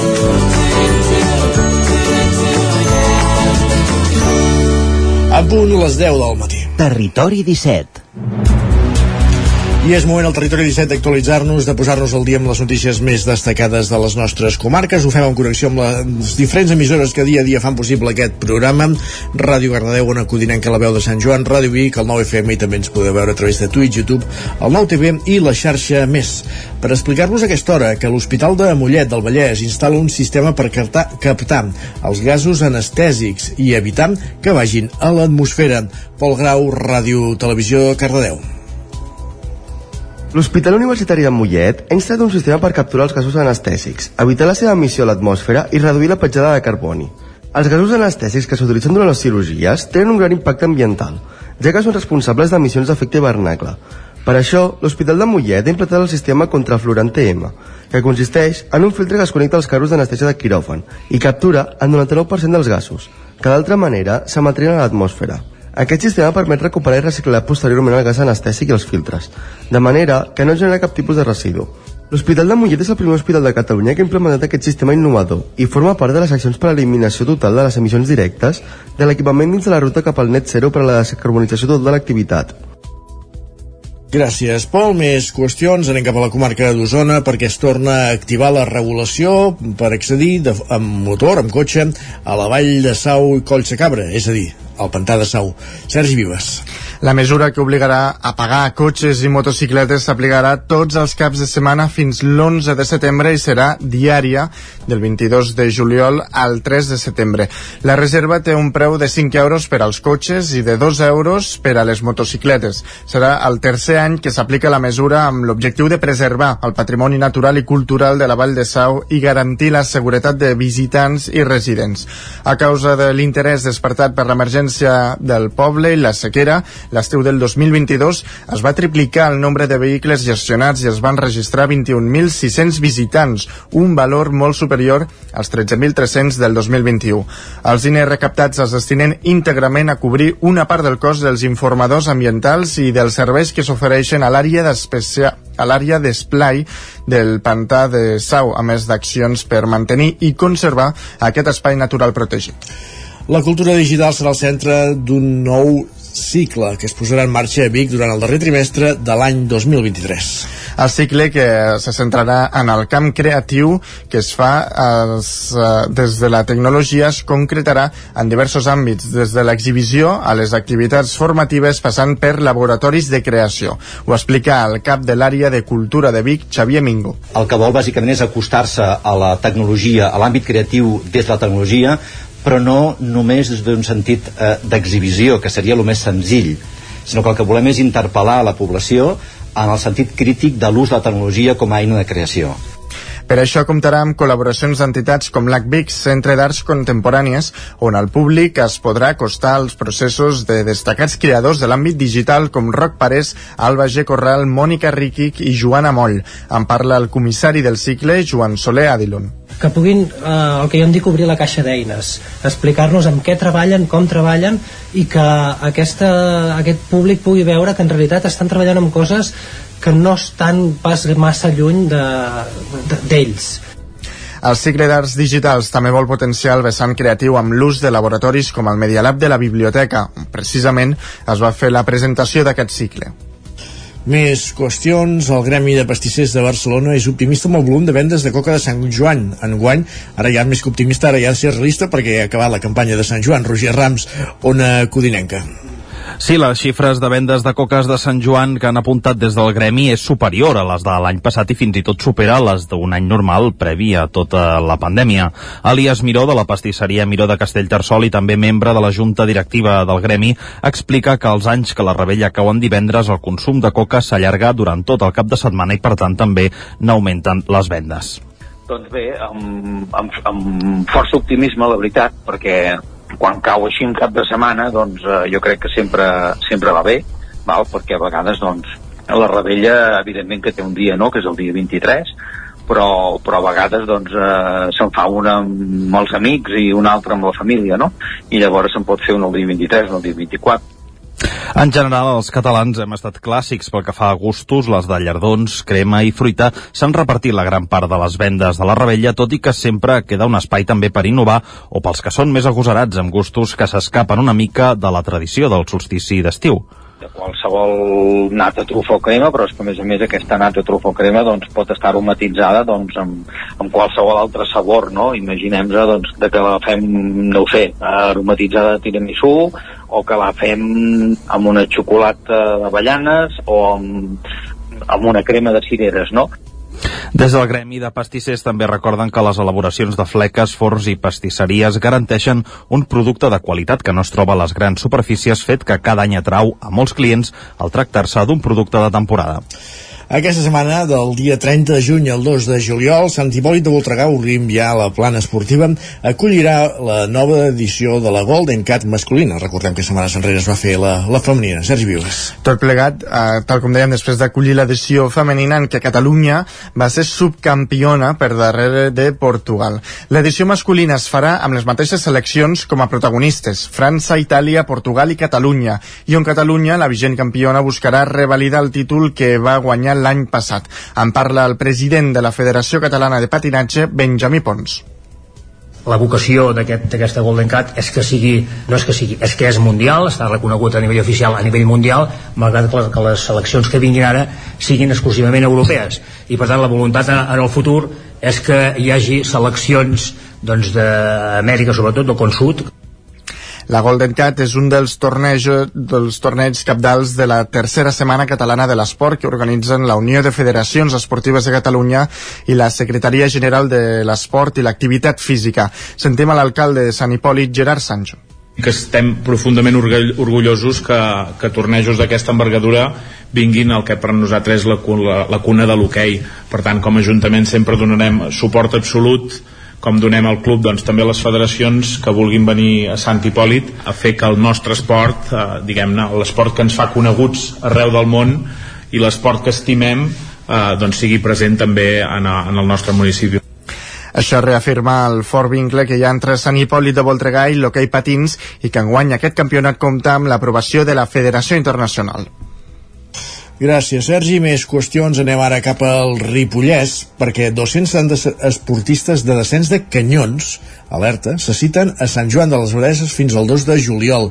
Isaac Muntades, des de la veu de Sant Joan. La Federació Catalana d'Espeleologia, juntament amb altres entitats estatals i franceses, han organitzat el Ressemblament Internacional de Canyon, el RIC a Sant Joan de les Abadeses. Es tracta d'una trobada de 8 dies que va començar aquest diumenge i que reunirà 270 esportistes experimentats en la pràctica de descens de barrancs de tot el món, amb conferències, tallers, simulacres de rescat, espais per a demostracions i venda de productes, així com estants per donar a conèixer escoles de formació i empreses d'aventura. L'organització ha escollit la zona al voltant de l'Albert de la Ruta al Ferro de Sant Joan de les Abadeses per situar el camp base i la fira que acollirà aquests espais per la possibilitat d'accedir als millors canyons de la zona, el torrent de la Corba, el Freser Superior o les Gorgues de Núria aquí al Ripollès, el Salt de Sallent de Rupit a Osona, el torrent de les Caborca, Sant Aniol i les Canals a la Garrotxa o el pas de l'Escalell al Berguedà. A més de l'apartat esportiu, el coordinador de la trobada, Xavier Arregui, destaca la predisposició de l'Ajuntament als serveis de l'Albert Sant Joaní i els espais al seu voltant perquè són un lloc idoni gairebé impossible de trobar en cap altre indret de Catalunya. De fet, l'esdeveniment fa ús dels mateixos espais que ocupava el Clownia Festival, a més dels descensos que els participants poden fer en aquest perímetre d'una hora en cotxe. També han afegit la informació, els mapes i les rutes a Wikiloc de dues zones més allunyades al Canigó, el Conflent i l'Arieja, a la regió de l'Occitània. Les federacions coordinaran els accessos i les hores d'entrada dels grups als barrancs per minimitzar les esperes i assegurar la fluidesa dels descensos. La trobada també ha volgut fer visible i impulsar les dones que practiquen barranquisme. Per aquest motiu, han programat unes jornades tècniques de canyons on es configura configurarà un grup de dones divers per analitzar la tècnica, compartir coneixements i experiències, generar contactes i fer evolucionar l'esportista del descens de barrancs. Arregui destaca que un 25% de les persones inscrites són dones, fet que demostra un protagonisme creixent en aquest àmbit.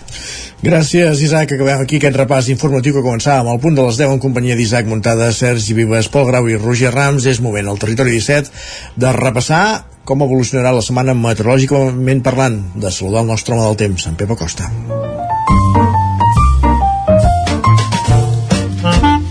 Casa Terradellos us ofereix el temps. Per tant, sense més, tornem cap a una codinenca. Pep Acosta, benvingut un dia més, bon dia. Hola, molt bon dia. Uh, tant esperar Sant Joan, eh, aquest cap de setmana, uh, que molta gent tenia moltes ganes. Doncs ja, ja, ja està passat.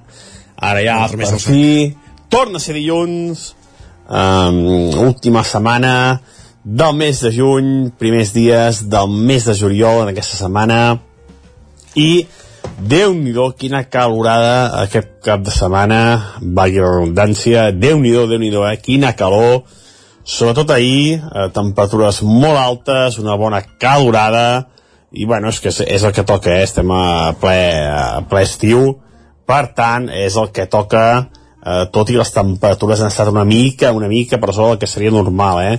Ahir la majoria màxima és entre els 35 graus. Avui aquesta nit mínimes molt altes. Ha costat agafar el son, ha costat dormir. Eh, mínimes per sobre dels 20 graus a molts punts del prelitoral i fins i tot cap a l'interior. A l'interior cap a Osona, Mollanès moltes mínimes de 19-20 graus. Per tant una nit molt càlida, una nit força, força eh, tropical en algunes zones, per tant una nit molt càlida, com deia abans, la que hem tingut avui. I això canvia una mica. Canvia, eh, entra més aire fred i, per tant, tenim un canvi de paradigma, un canvi en el temps. Ahir ja vam tenir alguna petita sorpresa, alguna petita tempesta, eh, però no a les comarques, va ser més cap a, cap a la Cerdanya, cap al Berguedà, vam tenir una petita, una petita tempesta. Doncs bé, Avui ens veiem molts pocs núvols, com dèiem, les temperatures ja força altes, però les temperatures avui no pujaran tant com ahir. Es quedaran 2-3 graus més baixes. Uh, no farà ni a bon tos fresqueta ni cap cosa d'aquestes, però sí que farà una mica menys de calor. Notarem una mica, mica menys. I el que notarem, sobretot, això sí que notarem, són les tempestes aquesta tarda. Uh, a partir ja de la una, de les dues de la tarda, veurem com creixen nuvolades i eh, de cara a les 3, 4, començaran a descarregar les primeres tempestes. Avui seran més intenses i més extenses que ahir. Hi ha un avís del Servei Meteorològic de Catalunya per Ripollès i per Osona. Poden caure més de 20 litres en 30 minuts. Per tant, un poble més aquesta tarda és cap a Osona i cap al Ripollès. Jo crec que plourà en algun lloc unes tempestes bastant importants de 30-40 litres. No es descarten cap al Moianès i cap al Vallès, però és més improbable que arribin. Uh, no, no aniran tant cap al sud aquestes tempestes, estaran més localitzades cap al nord. Els vents febles, tot i que entra una mica de tramuntana, una mica d'aire més fresc que entra i eh, s'emportarà aquesta massa d'aire més calenta que tenim a sobre. I això és tot, a disfrutar el dia d'avui, a disfrutar aquesta setmana, comença una nova setmana, amb unes temperatures una mica més baixes i amb aquestes tempestes que tenim a la tarda, sobretot cap al nord de les nostres comarques. Moltes gràcies, adeu. Doncs a la zona més nord del territori 17 estarem pendents de, dels xàfecs que hi pugui haver aquesta tarda, després, com dèiem, d'una nit calorosa que, en què ha costat dormir. Gràcies, Pep, parlem demà. Casa Tarradellas us ha ofert aquest espai. Territori 17. Envia'ns les teves notes de veu per WhatsApp al 646 079 023. 646 079 023. WhatsApp Territori 17.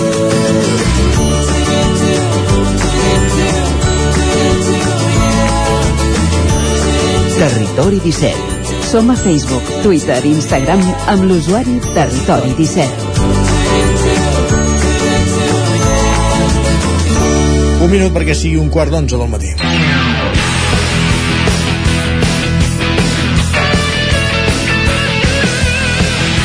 Avui a l'entrevista esportiva tornem cap a una codinenca on en Roger Rams conversa amb l'Isma Toneu, qui ha estat l'entrenador del primer equip de futbol del Sant Feliu de Codines en la temporada del centenari i en la qual han aconseguit, ja en vam parlar de setmanes enrere, l'ascens a la segona catalana.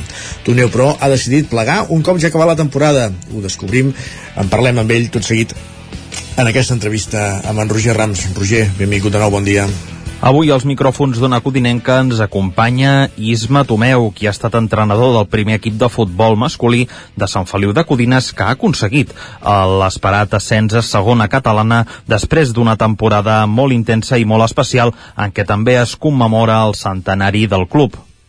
Isma, primer de tot, eh, gràcies per passar pels micròfons d'Ona Codinenca. Eh, volia començar preguntant com has viscut aquesta temporada que suposo que ha estat especial. Sí, uh, molt especial. Uh, primer de tot perquè era el centenari del club aquesta temporada i, i vam agafar molta il·lusió. Se'm va afegir a mi a l'estaf el Ruben, que és un exjugador, que era capità, a part era amic meu i ens ho vam prendre doncs, molt seriosament i amb molta il·lusió. I la veritat que hi havia un molt bon equip de, de, teníem la base d'altres anys més algun jugador que es va incorporar. I, i res, la bona plantilla la teníem i la temporada va començar en general bastant bé, amb bons resultats, els primers 10 partits estàvem allà, entre primer, segon i tercer, i sí que és veritat que novembre, desembre, gener vam tenir una davallada uns 8 partits o així, que van fer que, que ens trobéssim a la meitat de la taula, però llavors hem fet una segona volta doncs, espectacular en quant a resultats, només vam perdre eh, el segon partit de la segona volta, que era contra el Mollà, que era el líder, i en aquell moment ens deixaven a 11 punts el líder, i al final ho hem guanyat tot, tot, tot, des d'aquell partit, des de mitjans de febrer ho hem guanyat tot, fins que vam arribar a agafar els 11 punts del líder i a superar-los en 5 punts, que ha, ha sigut quan ens hem convertit en campions de Lliga, i sí que l'últim partit de la Lliga llavors eh, l'equip ja estava més en celebracions que res i també vam perdre tona, però vull dir, aquesta recuperació va fer que, res, que ens, ens fessin campions de Lliga a falta encara d'una jornada per, per acabar la Lliga i res, molt contents i molt satisfets sobretot això perquè era la, la temporada del centenari i ho hem pogut acabar celebrant com calia, molt bé, molt bé, molt contents en general Hmm. Ara parlaves d'aquesta segona volta, que és on realment, eh, diguem, han lluït els resultats de, de l'equip. Explica'ns com, com ha estat això, com, com, com passa l'equip d'estar de, mitja taula a arribar allò a, a, als peus no, del, del Mollà i aquest frec a frec que heu tingut amb els, amb els veïns. Sí, el, aviam, també estar a mitja taula no era normal, eh, perquè vam encadenar un seguit de derrotes que d'aquells partits que no entrava res, que fèiem ocasions i no fèiem gols, el davanter nostre que està acostumat a marcar sempre també no marcava, uh, per tant no era gaire normal que estiguéssim a mitja taula, eh? el que sí que el normal era estar entre els 3-4 primers, perquè hi ha bons equips i, i estar allà lluitant era el normal. I sí que sense... Jo crec que es va afiançar molt la defensa, ens vam tornar defensivament una mica més forts, i això, tot això sempre passa a base de bons resultats. Si vam encadenar doncs, dos, tres victòries seguides, en, eh, perquè tenim un partit aplaçat a Vigues que s'havia suspès, me'n recordo que vam anar entre setmana i vam dir, mira, aquesta setmana és clau perquè podem fer 9 punts, havíem guanyat el del diumenge, i ens quedava el partit entre setmana del Vigues i l'altre, no sé contra qui era, l'altre cap de setmana. I vam dir, ens hem de posar com a objectiu aquests 9 punts, que és molt important. I els vam fer, i jo crec que allà es van, bueno, la il·lusió, no? la, el canvi de dinàmica, doncs, eh, fa que tot el que no entrava abans eh, llavors entrava, i ens vam posar, doncs, això, a sumar, a sumar, a sumar i a sumar. I, i sí que és veritat que ara quan ha arribat a les últimes 10 jornades, eh, el Mollà doncs, ens mostrava més feble que, que, que al principi de Lliga, no? Veies que perdia algun punt a casa, contra el Roda de Ter, van empatar, contra algun desplaçament que començava a punxar, i perquè també va estar lesionat el seu davanter que ha acabat amb una borrada de gols, em sembla que n'ha acabat amb 40, l'Eloi Moral, molt bon jugador, i aquells dos partits que va faltar, la, van per, em sembla que el Mollà va perdre dos partits seguits. I allà, doncs, vam dir, ep, aquí, ojo, que, que, que podem fer cosa. I, I la veritat és que quan ha tingut llavors els últims desplaçaments, el Mollà ha punxat, va punxar aigua freda, que nosaltres vam guanyar aquell dia Folgueroles, que era un, des un desplaçament molt difícil, el següent, el Mollà també va perdre a Folgueroles, llavors, i nosaltres vam guanyar el camp del Predenc, que també era molt difícil, i allà sí que ja ens ho vam creure, i va ser quan hem acabat la temporada, que nosaltres anàvem amb una, amb una ascendència total, però molt, molt clara, i ells, doncs, amb una davallada no tan clara com la nostra ascendència, però quasi bé, més pausada, però ens ha enganxat a final de Lliga, nosaltres això molt amunt, molt amunt, i ells anaven cap amunt i aquí el, jo crec que la mentalitat juga molt, molt a favor dels que, dels que acaben la Lliga molt, molt positivament. Uh mhm. -huh. I com es gestiona això de, des del punt de vista de grup? Perquè, clar, imagino que en el moment en què dieu que feu aquest clic, no? que comenceu a sumar, que comença a canviar la dinàmica i que us veieu amb possibilitats, clar, suposo que també en aquest moment mm, hi ha certs nervis al, al vestidor. Com es gestiona tot plegat? Sí, però, bueno, nervis no, jo crec que més que res il·lusió, perquè veiem que, hosti, que l'equip se'n sortia en moments claus i en camps difícils. Uh, vam anar al camp del Taradell i a mitja part perdíem 2-0 i ho vam remuntar. Vam anar al camp de l'Aigua Freda, perdíem 2-0 a mitja part també i ho vam remuntar. Uh, hosti, l'equip es veia capaç i, i jo crec que també la, la, la, la clau ha estat que no només depeníem de... Així com el Mollà depenia bueno, molt, molt tant per cent del seu de l'únic delanter que marcava molts gols. Nosaltres sí que hem tingut a l'Edu, que marcava molts, però hem tingut 4 o 5 jugadors que han estat amb molt bon nivell i marcant gols també. I això jo crec que el no dependre tan sols d'un jugador eh, fa que doncs, l'equip eh, prengui, embranzida i, i tothom se senti molt més confiat que no només si depèn d'un jugador, perquè si en un partit aquell jugador no està fi, doncs eh, evidentment l'equip ho nota però si tens 4 o 5 tios a dalt en atac que, que, que estan desbordant, que creen ocasions d'això, doncs és molt, és molt més fàcil, diguéssim, a l'hora d'aclarir els partits. I això a l'equip jo crec que li ha donat una seguretat i una, un afiançament que s'ha notat molt. Hmm. Arriba el moment, eh, pugeu a segona catalana, aconseguiu aquesta fita tan esperada i a més a més amb l'èpica no? que, que implica el fet d'estar de, immersos en el centenari. Com, com vius aquell moment des de la banqueta? Buah, aquell moment va ser únic a la meva vida i, i encara se'm posa la pell de gallina al recordar-ho. I el del meu company, el Rubén, de segon entrenador, també ens vam abraçar, només acabar el partit vam plorar com bojos i ho vam celebrar molt perquè hi havia una gentada al camp de por, hi havia molta canalla, entre ells els meus fills, els seus amics, eh, tothom ho vivia com, com si fos seu el triomf. I jo, això és el que diem a vegades de, que és el que té de diferent Sant Feliu, que al ser un poble petit i que tots els jugadors són de casa, eh, és la diferència que hi ha amb altres clubs que vegades pugen de categoria i veus, no veu, veus una fredor, veus un, un, no veus aquell, aquella germanor que hi havia entre el públic, hi havia la grada plena, faltaven 20 minuts per començar el partit i la grada estava a petar, hi havia canalla amb la samarreta del Sant Feliu del Centenari, i clar, sent el club de tota la vida nostra i de la majoria dels jugadors que estaven amb nosaltres eh, fa que el sentiment sigui brutal i, i això ho recordaré tota la vida perquè més no havia cap equip o sigui, el Sant Feliu havia pujat moltes vegades de divisió però mai com a primer, sempre havien fet la promoció com a segons classificats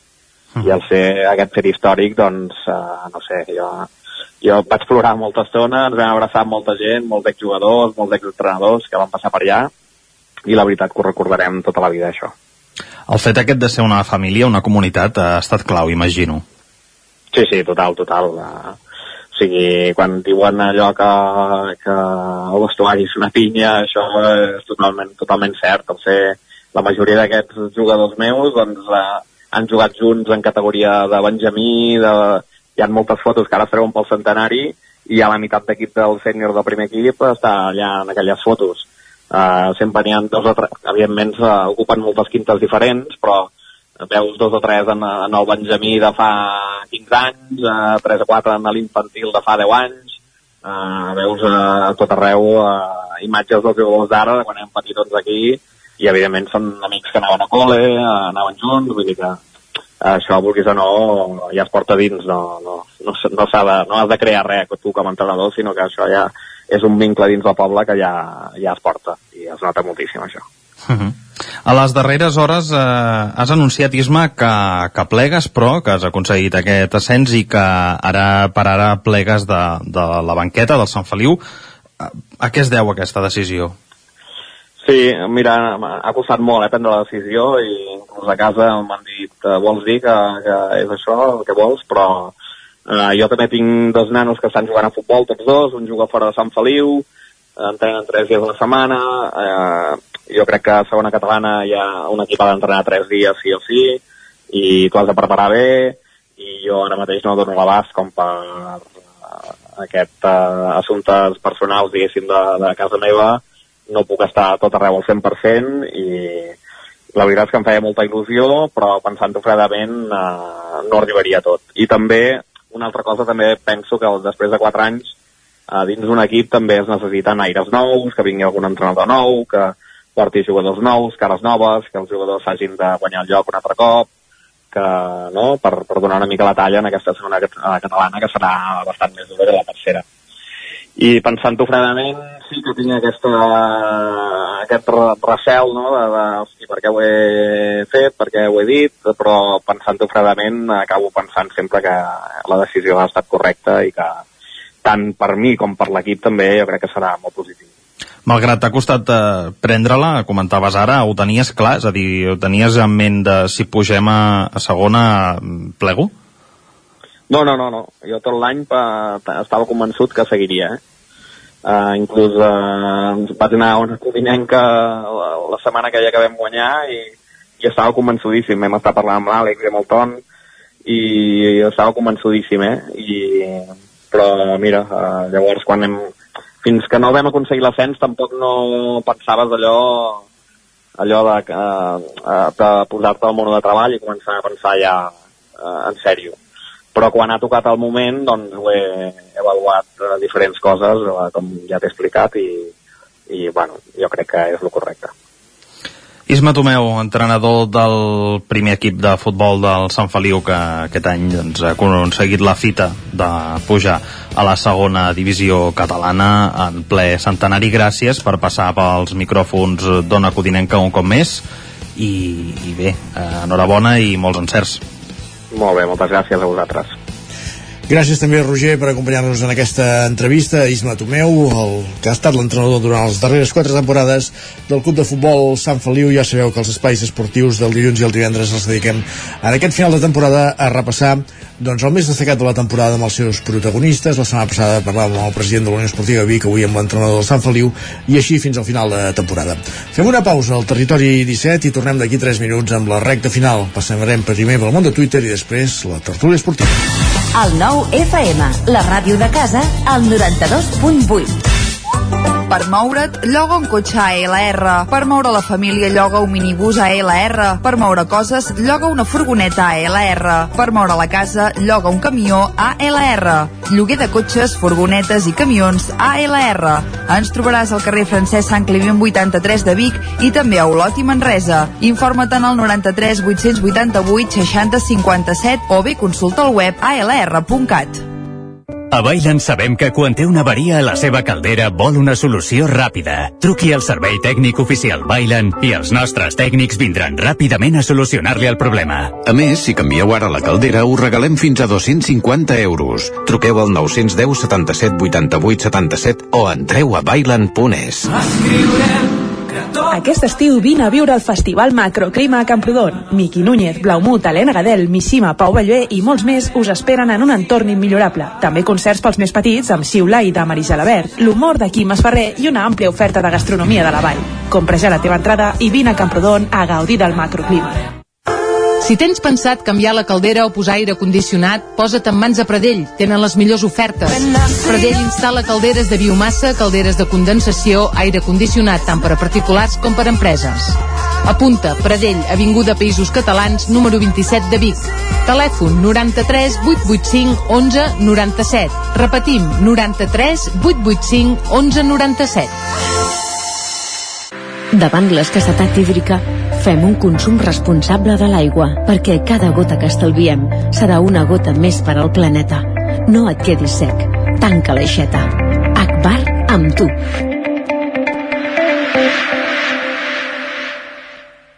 Ser a prop vol dir veure les coses més bé. Apropa't al que t'interessa amb la xarxa Més. La teva plataforma audiovisual de qualitat, proximitat i gratuïta. Gaudeix dels continguts de més de 30 televisions locals i podcast quan, com i on tu vulguis. Entra a la xarxa més.cat i descarrega't l'app. Cocodril Club. Si t'agrada la bona música dels anys 60, 70 i 80, escolta el 9 FM als matins de dissabtes i diumenges d'11 a 1. És el temps del Cocodril Club, tot un clàssic de la ràdio, amb les bases del pop-rock, les llegendes, les cançons que s'han convertit en autèntics himnes. Recorda, dissabtes i diumenges al matí, d'11 a 1, al 9 FM 92.8. Cocodril Club, el programa revival de l'Albert Malla. Hasta luego, cocodrilo. Anuncia't al 9FM. La màquina de casa. 9 3 8 8 9 4 9 4 9. Publicitat arroba al 9FM.cat. Anuncia't al 9FM. La publicitat més eficaç. En punt dos quarts d'onze al territori 17.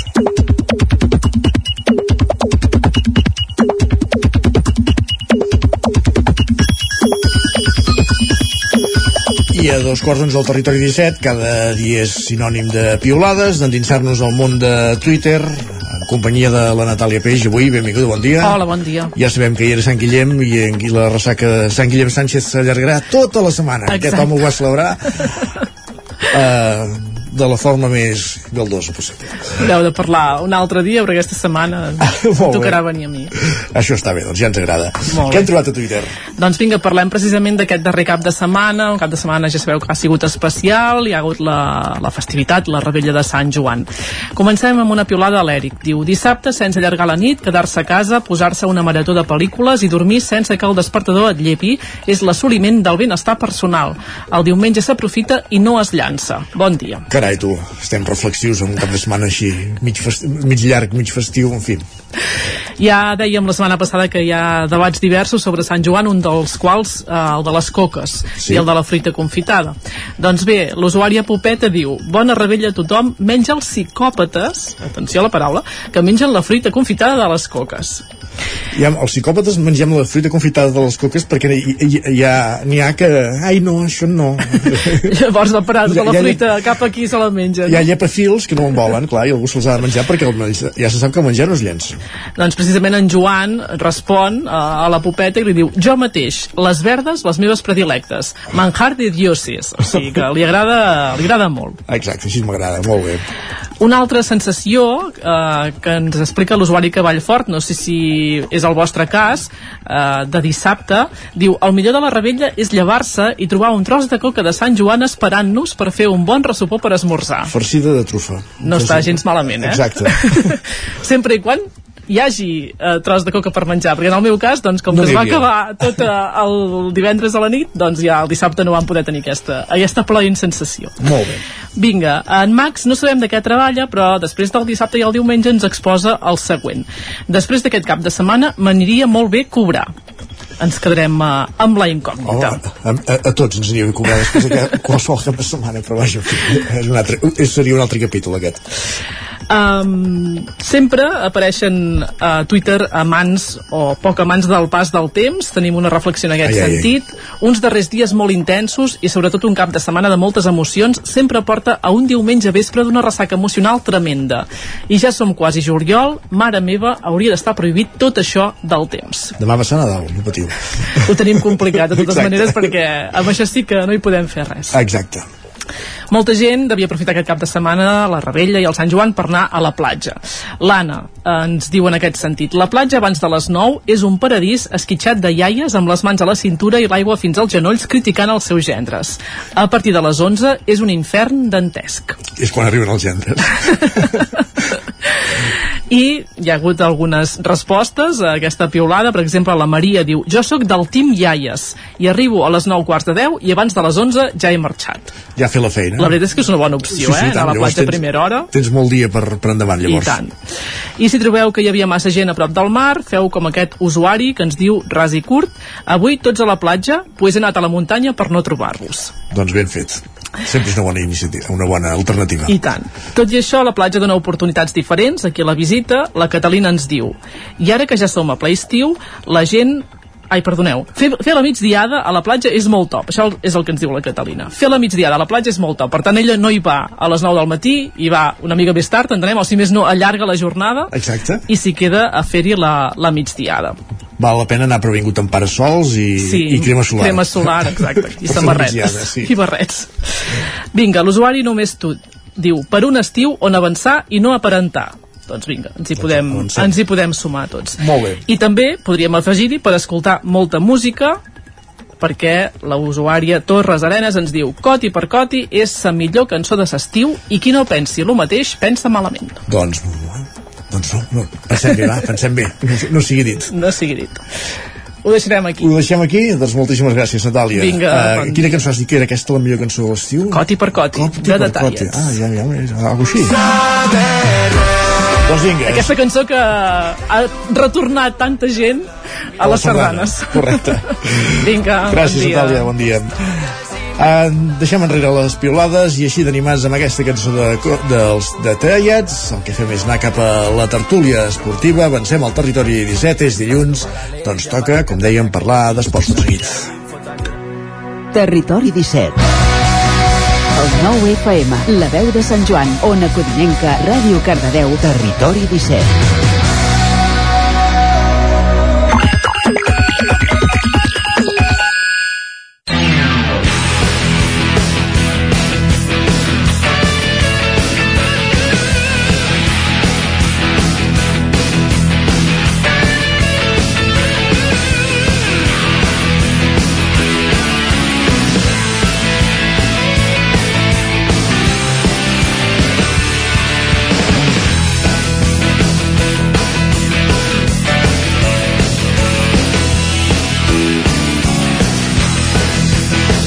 Temps de tertúlia esportiva al territori 17 i ho fem en companyia de Lluís de Planell, els estudis del 9FM, de l'Isaac Muntades, els de la veu de Sant Joan, d'en Pol Grau, els de Ràdio i Televisió Cardedeu. Benvinguts a tots tres. Bon dia. Gràcies, bon dia. Bon dia. Bon dia. S'acaba d'anunciar, s'acaba de fer oficial el fitxatge de Gundogan pel Barça, eh? Uh, en fi, tremoleu. Sí. Estic tremolant. Ja ho veig. Estic tremolant. No, real, realment no, és mentida, perquè fa molta calor aquí a Sant Joan de les Abadeses. Diu que Ah, avui és plourà, no pateixis la tarda.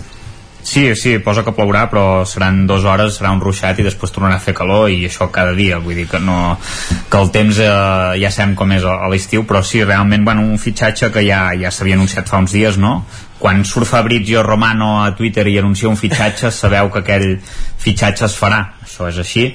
Uh, per tant doncs ja, ja, estava, ja estava fet és un, és un bon fitxatge que també té una certa edat no sé si són 33 anys ja ens va bé per, compen que- ja per, per compensar la joventut del plantilla Sí, sí, ve substituir Busquets, no?, en certa manera, Mhm. que, que té la...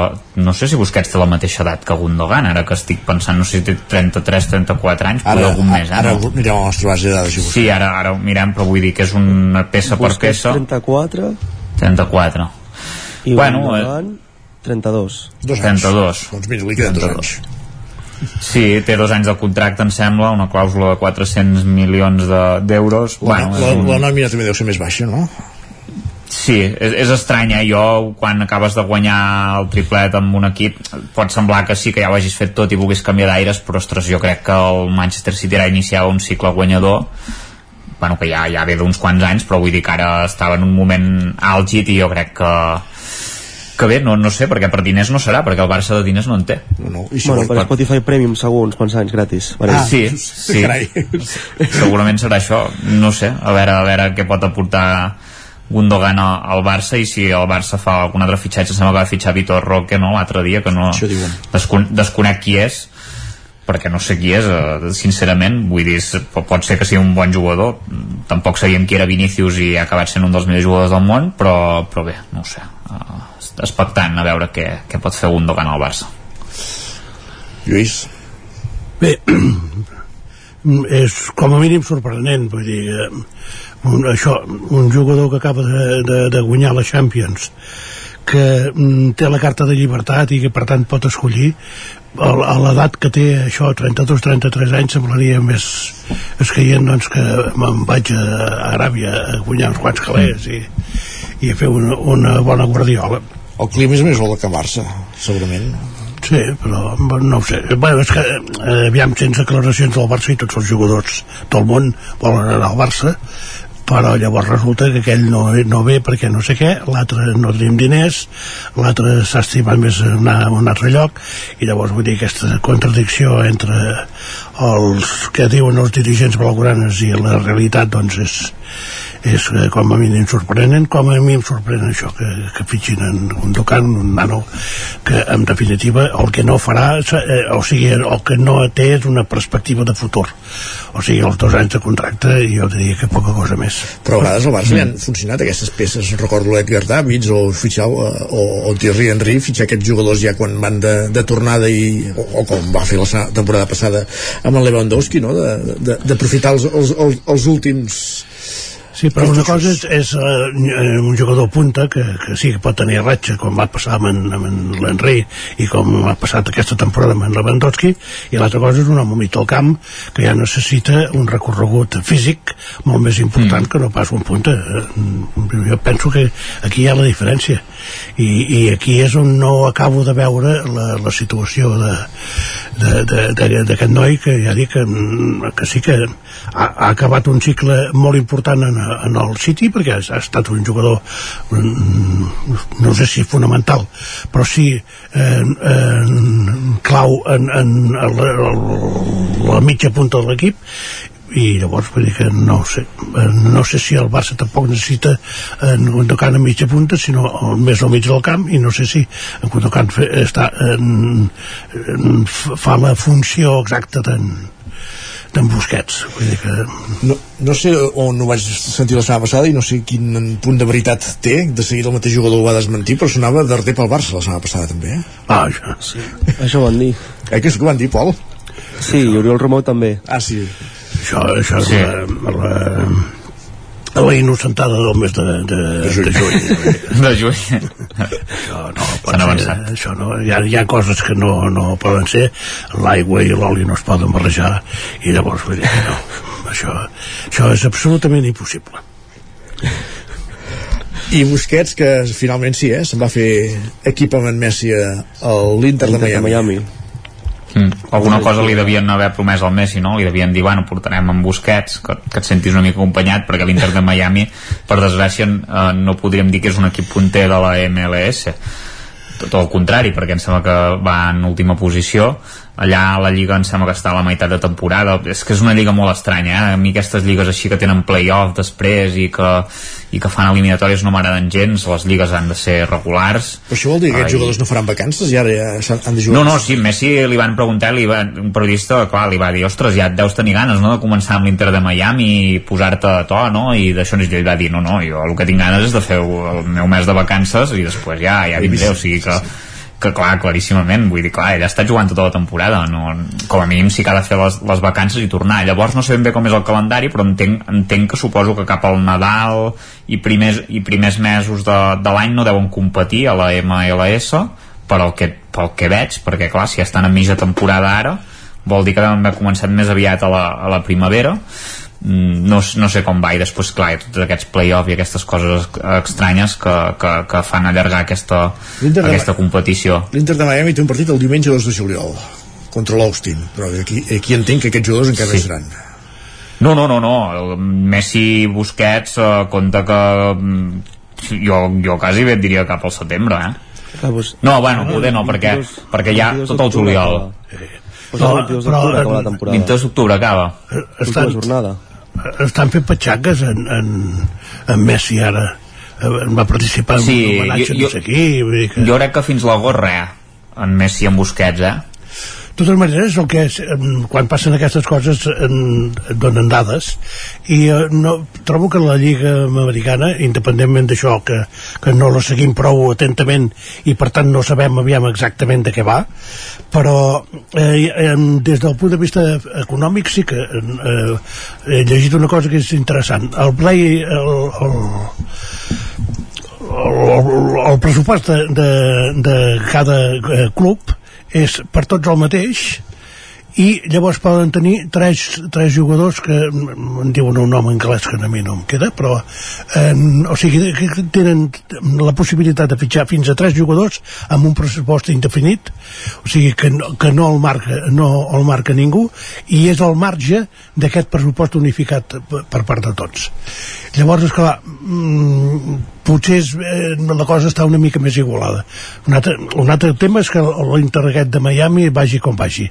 Però eh, jo diria que la competició eh, als Estats Units des d'aquest punt de vista pot ser que sigui eh, diguem, o com a mínim no, no tan eh, diferent com eh, el futbol espanyol per exemple, que hi ha dos equips i s'ha acabat la història L'Inter de Miami és curiós, eh? Ja, eh, és últim amb 15 punts. S'han disputat, hi ha equips que han disputat 20 jornades, altres 19, l'Inter 18, eh, i el líder en té 43, que és el Cincinnati, que només ha disputat di- un mes, o, el, di- 19.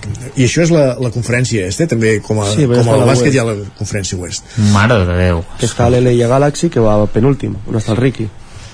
Eh, És, és, és, millor, és millor la Lliga d'Aràbia Saudita ara mateix quasi bé, eh? perquè, perquè bueno, a part que han fitxat dos o tres jugadors del Chelsea i, i, i bé, és que clar, hi ha Benzema, Cristiano Ronaldo ha, uh, com es diu aquell Koulibaly del, del Chelsea, Mendy del Chelsea també i estan anant jugadors aquí que, que ja no és allò jugadors uh, retirats sinó jugadors de 27-28 anys o sigui que, que també una mica com la MLS que, que, que allà no, allà ja suposo que el pressupost és infinit vull dir, pots anar gastant i, i fins que, fins que donguin els petrodòlars no? però, però s'haurà de tenir en compte aquesta lliga perquè si comencen a fitxar d'aquesta manera tots els equips, eh? no és només l'Al Nasser, és l'Al és l'Al Hilal, són els equips així una mica més, més potents d'allà perquè ens entenguem i, i serà, serà divertit de veure com, com avança en el futur i si en algun moment pot arribar a competir difícil perquè la història i tradició europea són, són molt importants però ostres, si els jugadors cada cop se senten més tentats per als diners i no per al,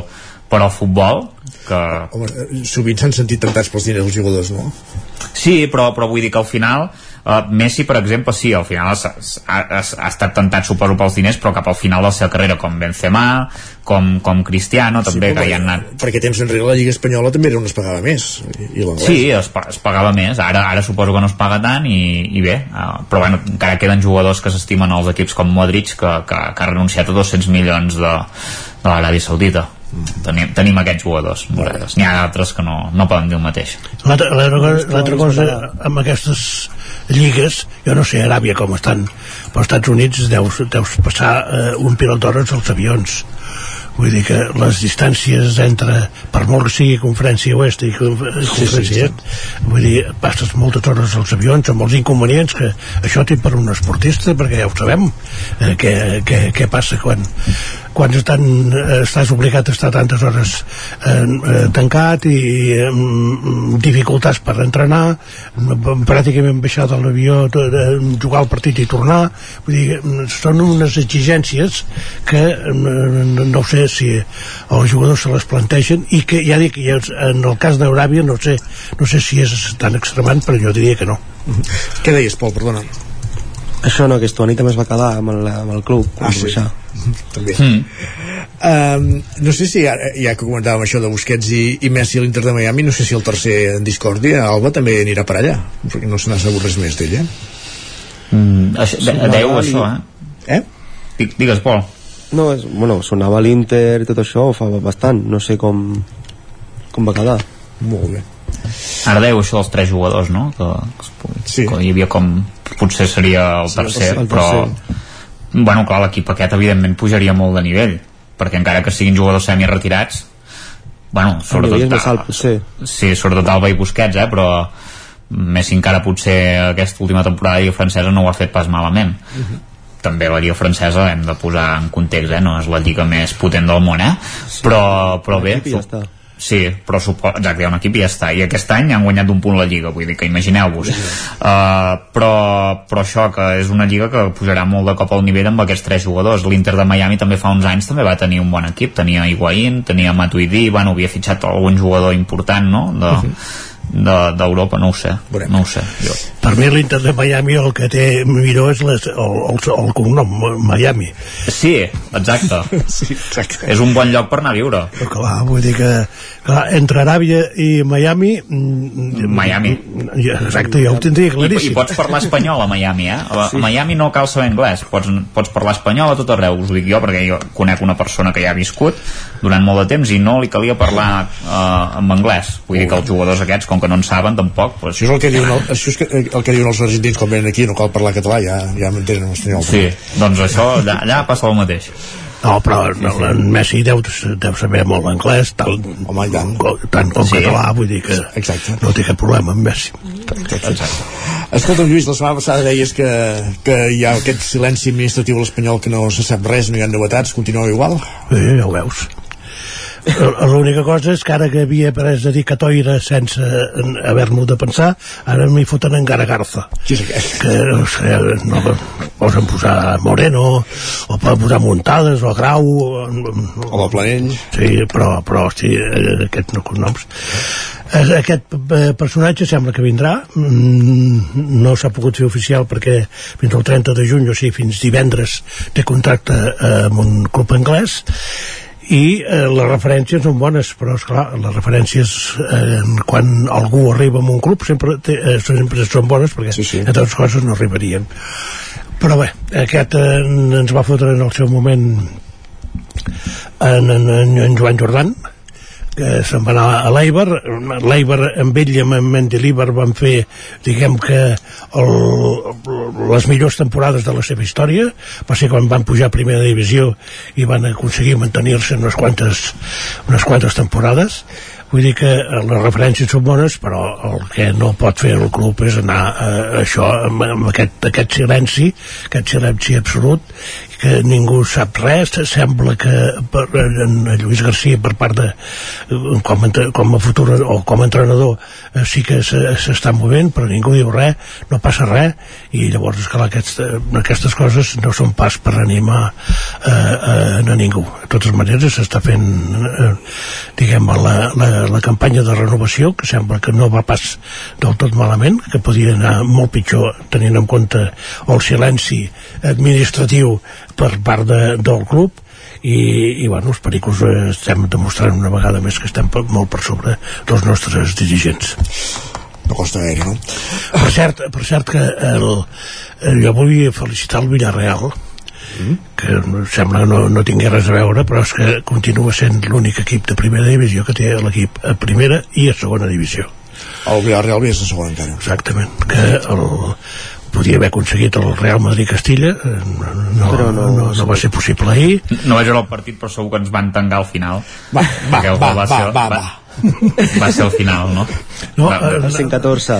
En tot cas, per, per, per, estar, per arribar a ascendre s'ha d'arribar a les finals. Els equips que no arriben a les finals no, no, hi, poden, no hi poden pujar, no? Per tant, com a mínim ens queda, ens queda aquest consol. Molt bé. no, Eh, i que van eliminar el Barça també us, us diria, de, Exacte, i vam eliminar el Barça. devia tenir convocat el porter titular per la, amb la selecció espanyola i per això no va guanyar, no? Suposo. Per, per, Pues no, per, no. per dir alguna cosa, per exemple, eh, per posar un... No crec que sigui per això, però bé. el porter va ser dels millors del Barça del Sí, Barça exacte. en aquella eliminatòria vull dir que no ho sé sí. no, no, sé, Exacte. no, no, sé, no sé què hauria passat però el, el, sí que vaig veure una estona del, del partit aquest i clar quan s'enfronten joventut amb veterans i aquests veterans són, ho són molt són de, de l'estil de, de, de l'edat d'en Busquets doncs llavors quan aquests veterans eh, a la pròrroga es posen a davant no es juga ni un minut de futbol.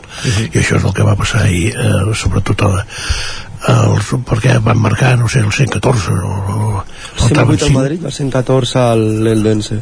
Exacte. Mm. I llavors, vull dir, d'aquí fins al final, perquè l'àrbitre, eh, la, la segona part de la pròrroga, re- recordo que la pròrroga que té 15 minuts, en va allargar 5 que a la pràctica van ser 6 vull dir que imagineu-vos si es va perdre temps però bueno, són aquelles coses que té el futbol que quan tu mires des de, des de fora i de manera imparcial doncs et sap molt greu que passin Per cert, hem de fer referència un dia més al Pitonisso Muntades, que diu Guillem Freixa, que ens va augurar la setmana passada que el Barça guanyaria el pr- primer partit de, de la sèrie a Madrid, el tercer partit de, de la final, desitjant que això no passés, perquè és el que ell fa sempre, vaticinar al contrari perquè, perquè passi el que vol, i, Exacte. i no li va anar bé la jugada aquest cop, eh?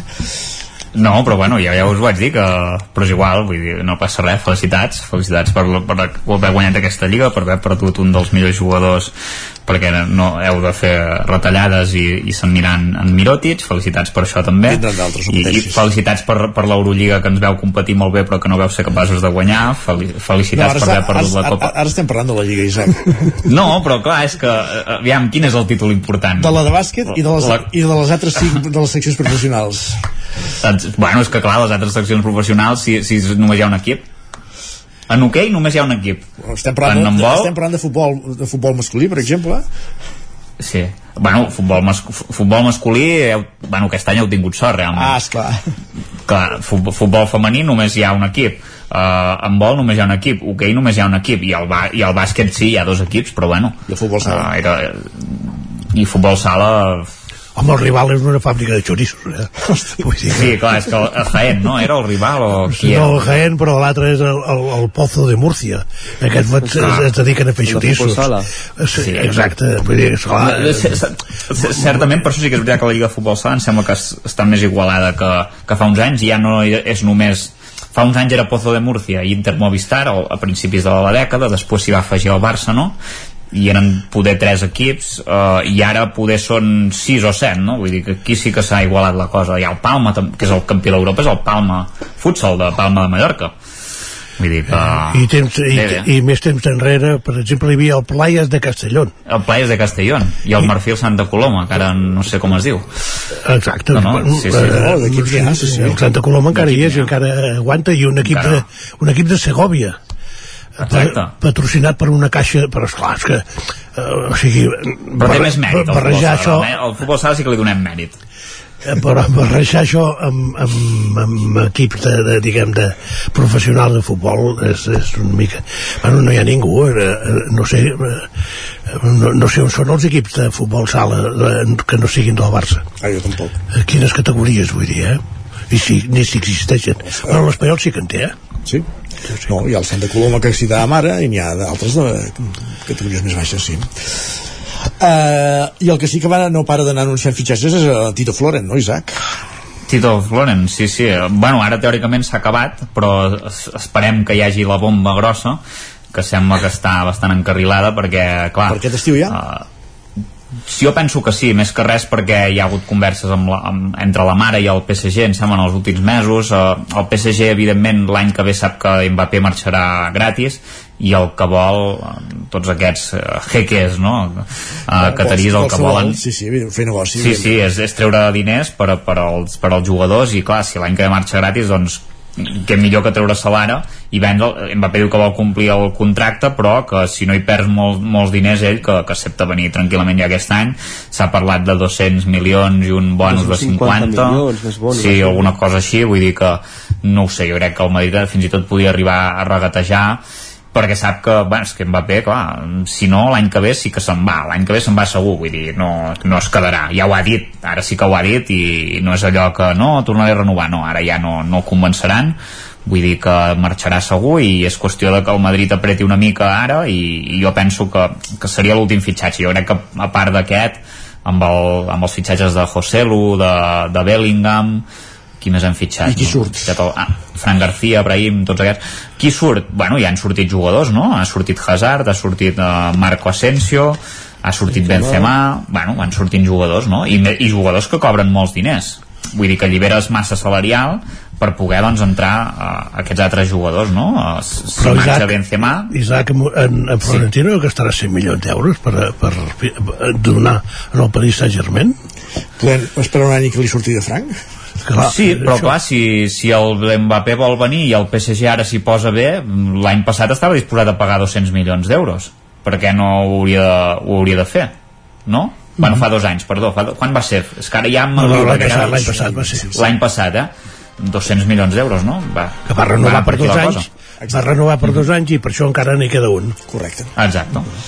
Doncs hem passat la tertúlia esportiva i arribem al final del programa. Gràcies, Lluís, Isaac i Pol, una setmana més per ser aquí a la tertúlia esportiva. gràcies, bon dia Fins la setmana que ve. Bon dia. I avancem al territori 17, avancem per dir pràcticament eh, 10, perquè pràcticament són les 11 del matí. Us hem acompanyat des de les 9, Laura Serrat, Pepa Costa, Roger Rams, Natàlia Peix, Pol Grau, Lluís de Planell, Isaac Montada, Sergi Vives i Isaac Moreno. El territori 17 hi torna demà a partir de les 9. Fins aleshores, gràcies per ser-hi, molt bon dilluns.